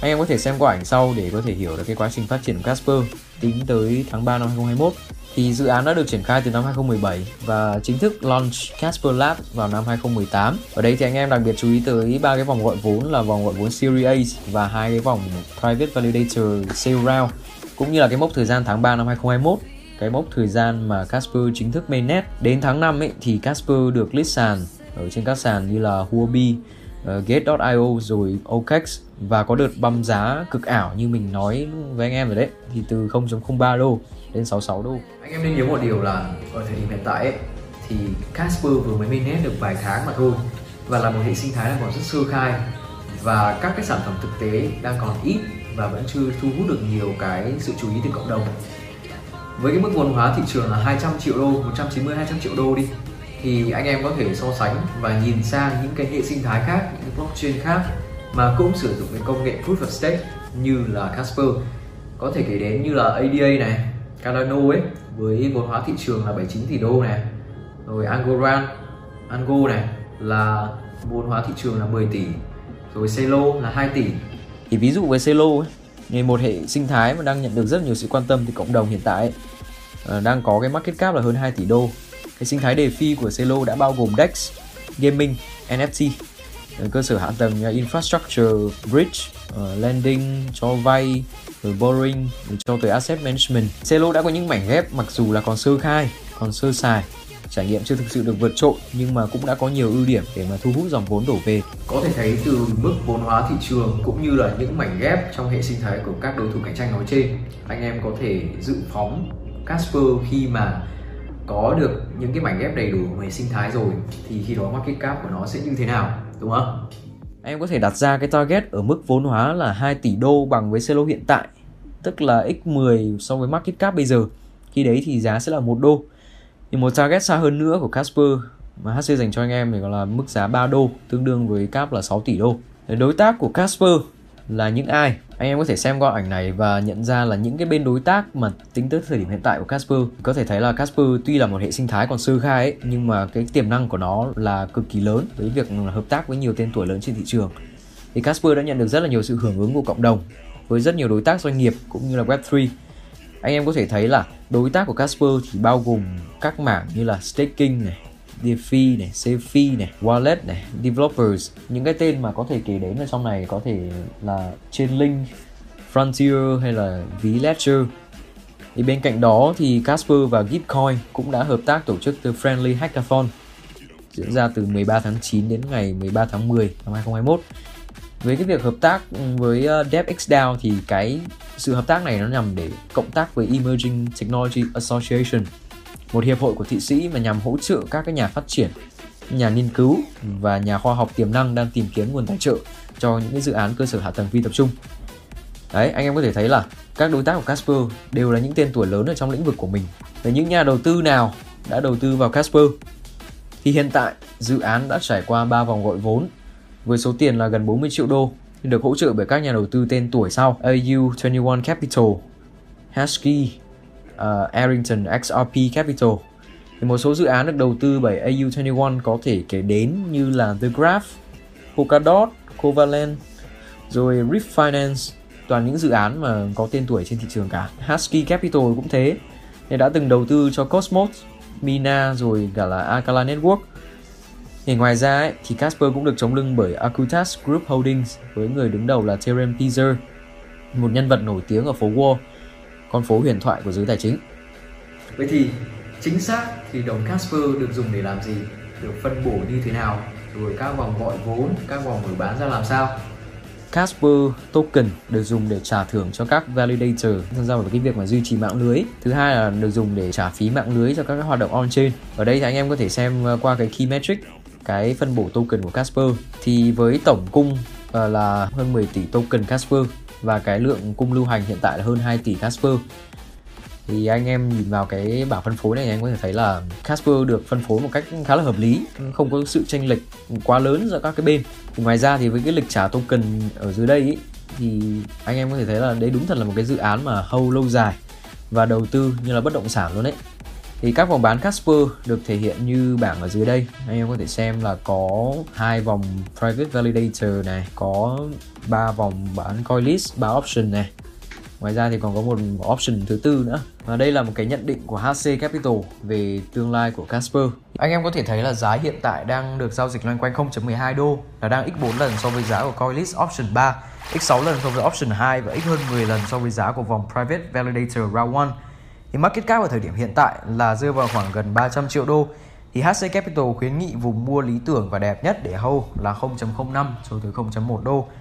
Giá hiện tại đang loanh quanh 0.12 đô thì đây vẫn là cái vùng giá đẹp để anh em mua vào và hold nhé.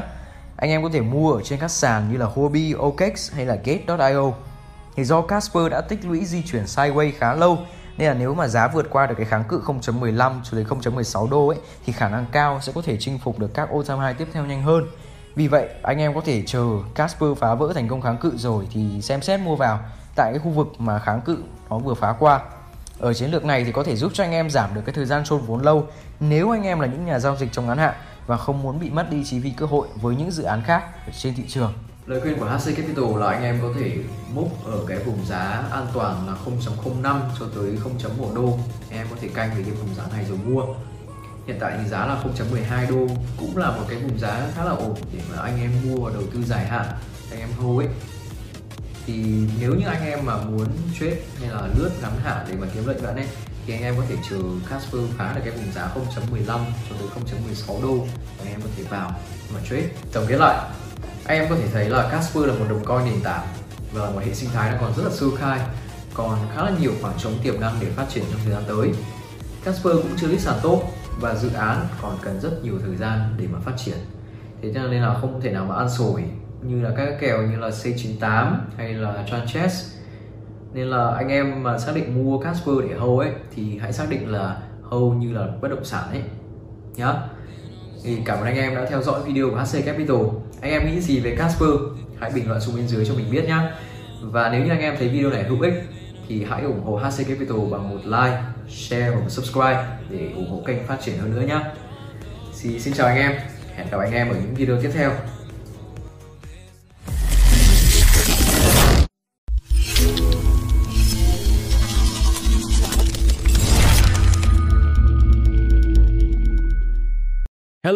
Xin chào tất cả mọi người. Thì mình là Lê Duy đến từ Kiwi Group và Hidden Gem.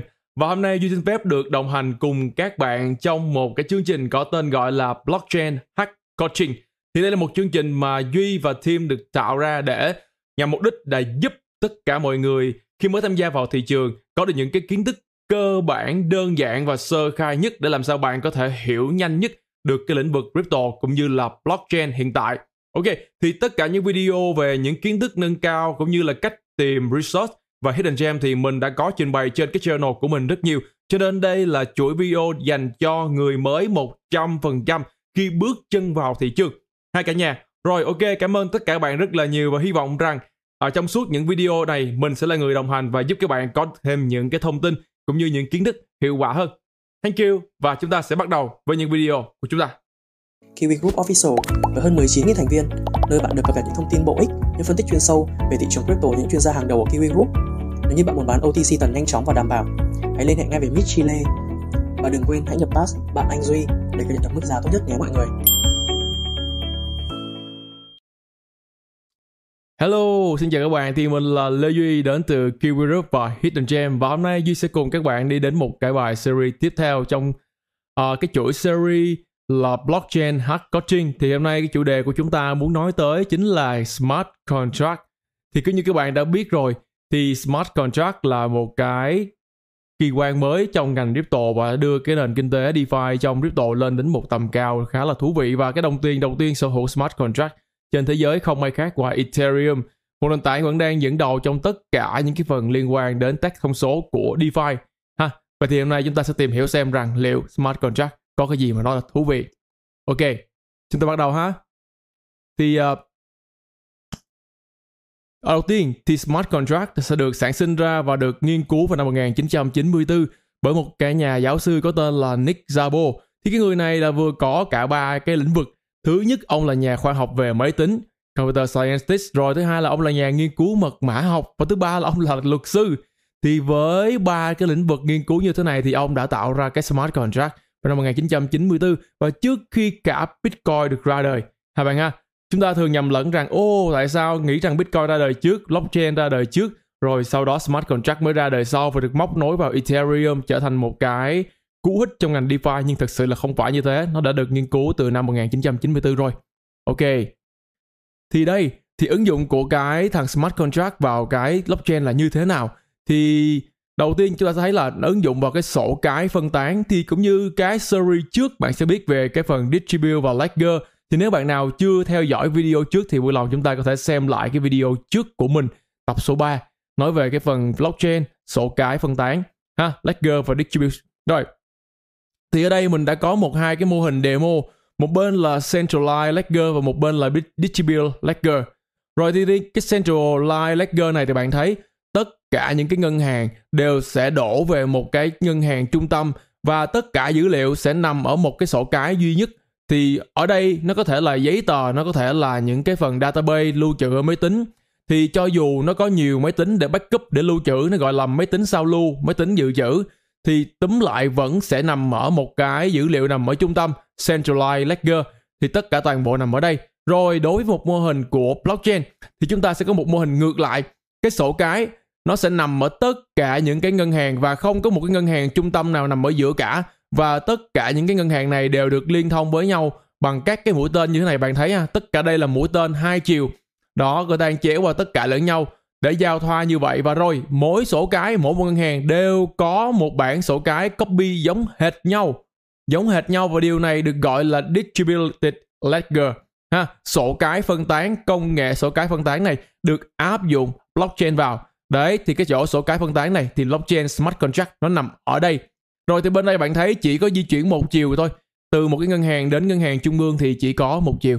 Và nó sẽ gây khó khăn cho việc bạn lưu trữ dữ liệu ha hay là mất dữ liệu thì rất là khó rồi ok ha thì uh, chúng ta sẽ đến một cái phần tiếp theo có tên là hợp đồng giấy và smart contract. Thì trong cái lĩnh vực hiện tại chúng ta sẽ có hai cái phiên bản. Một phiên bản là hợp đồng giấy một phiên bản là smart contract. Thì chúng ta sẽ đi sâu vào nó như thế nào để xem nó khác nhau như thế nào? Thì cái đầu tiên là original contract thì đối với mình là dịch là hợp đồng giấy. Hợp đồng giấy là những cái mà chúng ta thường xuyên mang ra công ty để đến công ty A ký, để đến công ty B ký. Và sau khi ký xong thì chúng ta lại mang về, cất vào kho, lưu trữ, có kế toán. Và lỡ không may mất thì rất là phiền phức trong những cái việc mà truy vấn ngược lại hợp đồng.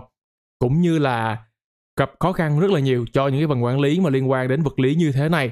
Thì sau đó chúng ta có một phiên bản mới là smart contract cũng là như phiên bản đó mà chúng ta cần nó nó nhanh gọn và rất là đơn giản cũng như là khởi tạo nó chỉ là những cái dòng code được tích hợp vào blockchain cho cái công nghệ này đó thì bạn thấy ha, smart contract nó khác với lại cái hợp đồng giấy như thế nào thì nó là 100% được tạo ra từ sản phẩm của điện tử và được tích hợp vào blockchain vào những cái chuỗi khối mà chúng ta đã tìm hiểu ở cái phần video trước ha.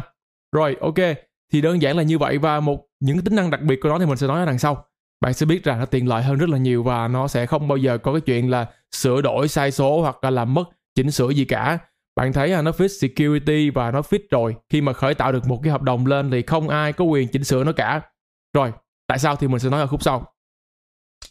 Ok, thì đây là một trong những cái ứng dụng của cái việc smart contract cái hợp đồng uh, giữa cái hợp đồng giấy và cái hợp đồng thông minh nó như thế nào thì đầu tiên chúng ta sẽ có hai nhóm người một là nhóm người startup là nhóm người đưa ra những cái ý tưởng kinh doanh hoặc là những cái mô hình business model để mà kinh doanh rồi thì nhóm người này sẽ có nhu cầu lấy tiền của những nhà đầu tư để đầu tư vào dự án của mình, cho gọi là kêu gọi vốn, gọi là funding raise để mà gọi vốn, ha.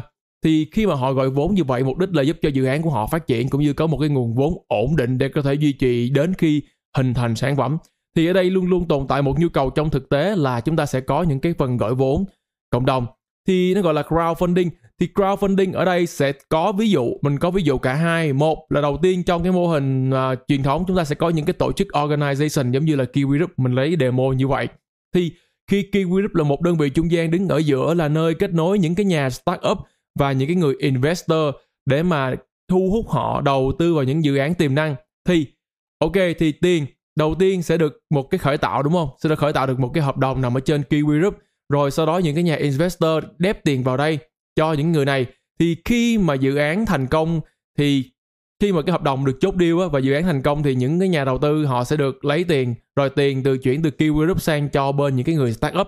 Rồi ngược lại nếu như dự án Grayfund không thành công thì những cái nhà đầu tư có nhu cầu lấy tiền của họ trở ngược lại.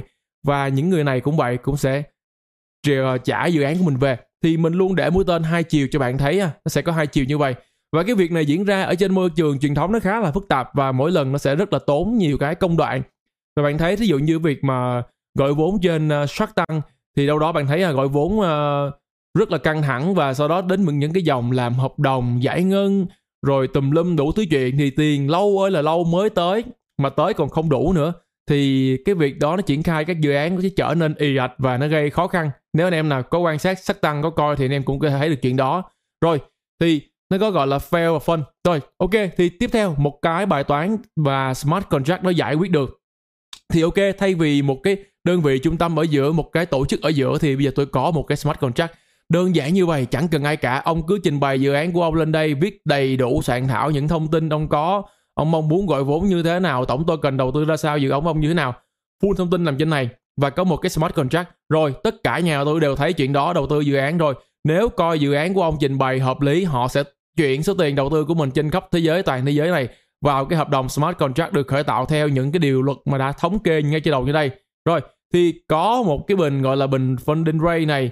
Thì nếu đạt một cái ngưỡng thí dụ như là 80% cái bình này thì được coi như là chốt một cái phân và coi như hoàn thành. Còn nếu như full 100 luôn thì coi như dự án đó là gọi, gọi vốn là cực kỳ thành công. Chẳng hạn như vậy. Thì đó nếu dự án thất bại thì tiền tự động trong smart contract này sẽ tự động trả về cho nhà đầu tư mà chẳng cần phải liên hệ gì cả. Rồi, bên này cũng vậy, hợp đồng này thất bại thì nó cũng trả về cho những người startup là không có ai đầu tư cho mày hết. Nó báo lại như vậy, thì cái hợp đồng thông minh giải quyết một bài toán này nhanh gọn lẹ và bạn thấy là một cái là gọi vốn trên toàn cầu mà không cần đơn vị trung gian nào, không cần thanh toán phức tạp, không cần giấy tờ thuế hay là làm đủ thứ này nọ. Thì nếu như có thuế sau này thì sẽ nằm trong đây luôn, ha. Nếu như có hóa đơn thuế thanh toán hay là cần những cái gì đó thì tất cả trong hợp đồng smart contract đều sẽ được liệt kê. Đấy. Thế đây là một cái vấn đề ứng dụng rất là hay trong cái smart contract trên nền tảng hiện tại. Rồi. Ok, thì bây giờ mình sẽ đến với những cái ưu điểm của nó thì nó sẽ có bốn cái ưu điểm của nó, ha. Thì đầu tiên là cái phần mà tính bất biến. Bất biến ở đây có nghĩa là nó sẽ không có thể thay đổi hay sửa chữa gì được như bạn thấy là nó sẽ là một cái đoạn mã được khởi tạo trong blockchain và được thừa kế những cái thuộc tính đó. Và khi mà nó được tạo ra rồi thì bạn thấy cái công nghệ distribute sổ cái phân tán sẽ có trong đó thì không ai có thể thay thế được. Bởi vì tất cả ví dụ như có một ngàn nốt thì mỗi một nốt nó giữ một cái sổ cái phân tán. Thì khi bạn thay, muốn thay đổi một cái trong đó thì một 999 cái còn lại nó sẽ báo là cái đó lỗi và fail và nó sẽ gạt ra cho nên cái vấn đề của nó là tính bất biến, là không thay đổi. Khi một cái hợp đồng được tạo lên rồi, thì coi như rằng nó đã không được thay đổi nữa. Rồi, một cái tính là phân tán thì chúng ta đã nói về cái distribute ledger. Thì sau khi một cái hợp đồng được tạo lên thì nó sẽ phân phối trên toàn bộ tất cả những cái nốt đó của nó. À là có một cái hợp đồng của ông duy gọi vốn cho một cái quỹ này từ ngày a đến ngày b. Tổng số tiền muốn gọi vốn là 100 triệu thì ai đầu tư đó thì cái đó sẽ được cập nhật trong tất cả những cái sổ cái còn lại trên blockchain của nó, trong mạng lưới của nó, ha. Rồi, một cái tính đó là tính minh bạch, transparency, là tính minh bạch. Tính bạch nghĩa là tất cả mọi người trên toàn thế giới đều có thể thấy được cái hợp đồng smart contract này. Và rõ ràng, tất cả mọi người đều thấy thì rõ ràng là ok, minh bạch rồi, không cần phải giấu giếm gì cả. Điều luật, mọi thứ đều, thông tin đều clear ở đây. Vấn đề là chúng ta xem xét thông tin, kiểm tra lại dự án và quyết định đầu tư hay không. Đó là do chúng ta. Rồi một cái điều tiện lợi là 24 trên 7 uh, ờ, cá nhân những cái hợp đồng mà muốn ký với những cái đối tác hay những công ty thì phải chờ sáng 8 giờ đi em ơi. À, lên công ty anh. Sau khi lên công ty anh anh đang bận một cái cuộc họp gấp quá em ơi. Hẹn tới 12 giờ. Ok đi ăn sáng quay lại. 12 giờ. Em ơi anh quên mất anh còn thêm một cái cuộc họp nữa. 2 giờ chiều nha em. Rồi ok ra ngủ cà phê chờ 2 giờ. 2 giờ thôi em ơi chết rồi. Bây giờ anh có một cuộc họp gấp hơn nữa. Lại hẹn cái 5 giờ thôi ngày mai nha em. Xin lỗi em rất nhiều. Thì những cái điều phức tạp như vậy nó diễn ra trong truyền thống và làm mất cái tính, gọi là là mất thời gian của bạn rất nhiều. Và sau khi ký xong thì giấy tờ rất lằng nhằng rồi đã ký xong rồi, tự nhiên một ngày đó bỗng như là muốn ký lại hay làm sao đó thì rất là phiền phức. Và chúng ta sẽ có những cái điều nó không bất tiện. Thì ở trên cái thằng blockchain, một khi đã khởi tạo rồi, thì là 24 trên 7 không cần hẹn dịch, cứ có hợp đồng trên đó, lên, đọc, thấy ok rồi quất, đép tiền vô, hay là không đép tiền, hay chuyện gì đó của bạn.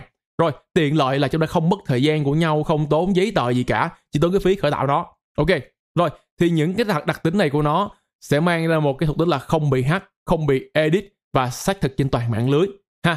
Rồi ok cả nhà. Thì đây những cái ứng dụng của nó nằm thì chắc chắn bạn biết rồi thì vào crypto thì cái đồng tiền đầu tiên mà ứng dụng cái smart contract trong cái blockchain đó là cái đồng ethereum. Và sau này chúng ta sẽ có nhiều đồng tiền đã có thằng này rồi nhưng bây giờ có solana sắp tới có ada đang làm cái smart contract của mình. Còn trên Polkadot thì chúng ta có những cái thằng như là Moon Moonbeam, Astra làm về smart contract. Ha thì bạn thấy rồi sau đó ứng dụng trong những cái lệnh chuyển tiền và game NFT thì bạn thấy game NFT là một trong những cái mà chúng ta sẽ có tạo ra smart contract để làm gì? Ok, bây giờ tôi tạo ra 100 cây kiếm trong cái trò game này của tôi bằng cách đép bao nhiêu Ethereum vào và min ra 100 cây kiếm đó hay là 100 mảnh đất đó. Thì tất cả đều phải được khởi tạo trong smart contract và tất cả nó đều giới hạn không có cái việc đó. Thì thành ra là nó sẽ không có được thay đổi nữa cho nên cái việc mà tính bất biến bên trong cái những cái game đó trở nên ổn định và người chơi cảm thấy công bằng, minh bạch. Ok, có nghĩa là tôi sở hữu một cái cái kiếm đó rồi. Thì trong server tôi biết chỉ có đúng một cây thôi, thì không bao giờ xuất hiện một cây thứ hai như vậy nữa. Chẳng hạn như vậy, thì nó là một cái cái cái điều nó khá là thông minh. Rồi, thì ngoài thực tế, sẽ có rất nhiều cái những lĩnh vực và ngành nghề sẽ được ứng dụng. Cá nhân mình nghĩ rằng những ngành đầu tiên sẽ là vận chuyển và ngân hàng. Thì bạn thấy ngân hàng là cũng đang đã cho cập nhật blockchain và sắp tới thôi thì mình nghĩ sắp tới đây sẽ có smart contract và blockchain được áp dụng vào ngân hàng. Và chúng ta sẽ thấy một cái công nghệ thay đổi rất là nhanh. Rồi thì cái ngành đầu tiếp theo mình nghĩ sẽ là sẽ ngành là vận chuyển. Thì vận chuyển hàng hóa đều sẽ có những cái smart contract để mà cho những cái giấy tờ nó bớt uh, rườm rà đi và những cái thần chuyển đổi hay là nó sẽ nhanh hơn rất là nhiều. Rồi một cái vật khá là thú vị là bất động sản thì những cái hợp đồng mua bán nhà đất người ta hay bị sợ bị lừa sợ bị lừa đảo này nọ. Thì bây giờ có smart contract, có đầy đủ thông tin verify rồi, thì nó sẽ được tốt hơn rất là nhiều. Nhưng một vấn đề là khi smart contract vào này được áp dụng và được nhà nước bảo chứng, chứ còn nếu như chúng ta sẽ mua những cái nền tảng ở trên mạng, người ta tạo ra một cái smart contract bình thường, sau đó người ta tạo ra một cái hợp đồng tào lao, người ta đưa cho bạn bạn đép tiền vô, bạn kêu bạn mua cái nhà đó 5 tỷ hay 10 tỷ. Nhưng mà vấn đề là nhà nước không bảo chứng, thì khi bạn lừa đảo, bạn scam thì không có ai đứng ra đảm bảo trách nhiệm cho việc đó. Cho nên là những cái này mình đang liệt kê như là y tế âm nhạc thì nọ thì sẽ còn phát triển trong tương lai. Còn nhiều ràng buộc hơn về cái kia thì mới được triển khai. Còn bây giờ thì chưa ha. Ok. Thì uh, cảm ơn tất cả các bạn đã theo dõi cái video của mình. Thì mình hy vọng rằng uh, một cái phần thông tin cung cấp của mình trong ngắn như thế này sẽ giúp bạn có được cái nhìn tổng quan hơn uh, đơn giản khái quát về smart contract và những cái cách mà nó đang vận hành cũng như những ưu điểm và khuyết điểm của nó đang được áp dụng trên crypto và blockchain thì ok, mình là Lê Duy, đến từ Kiwi Group và Hidden Gem. Xin hẹn gặp lại các bạn vào video tiếp theo. Cảm ơn các bạn đã theo dõi và đừng quên ấn like và subscribe để ủng hộ mình nhé. Thank you.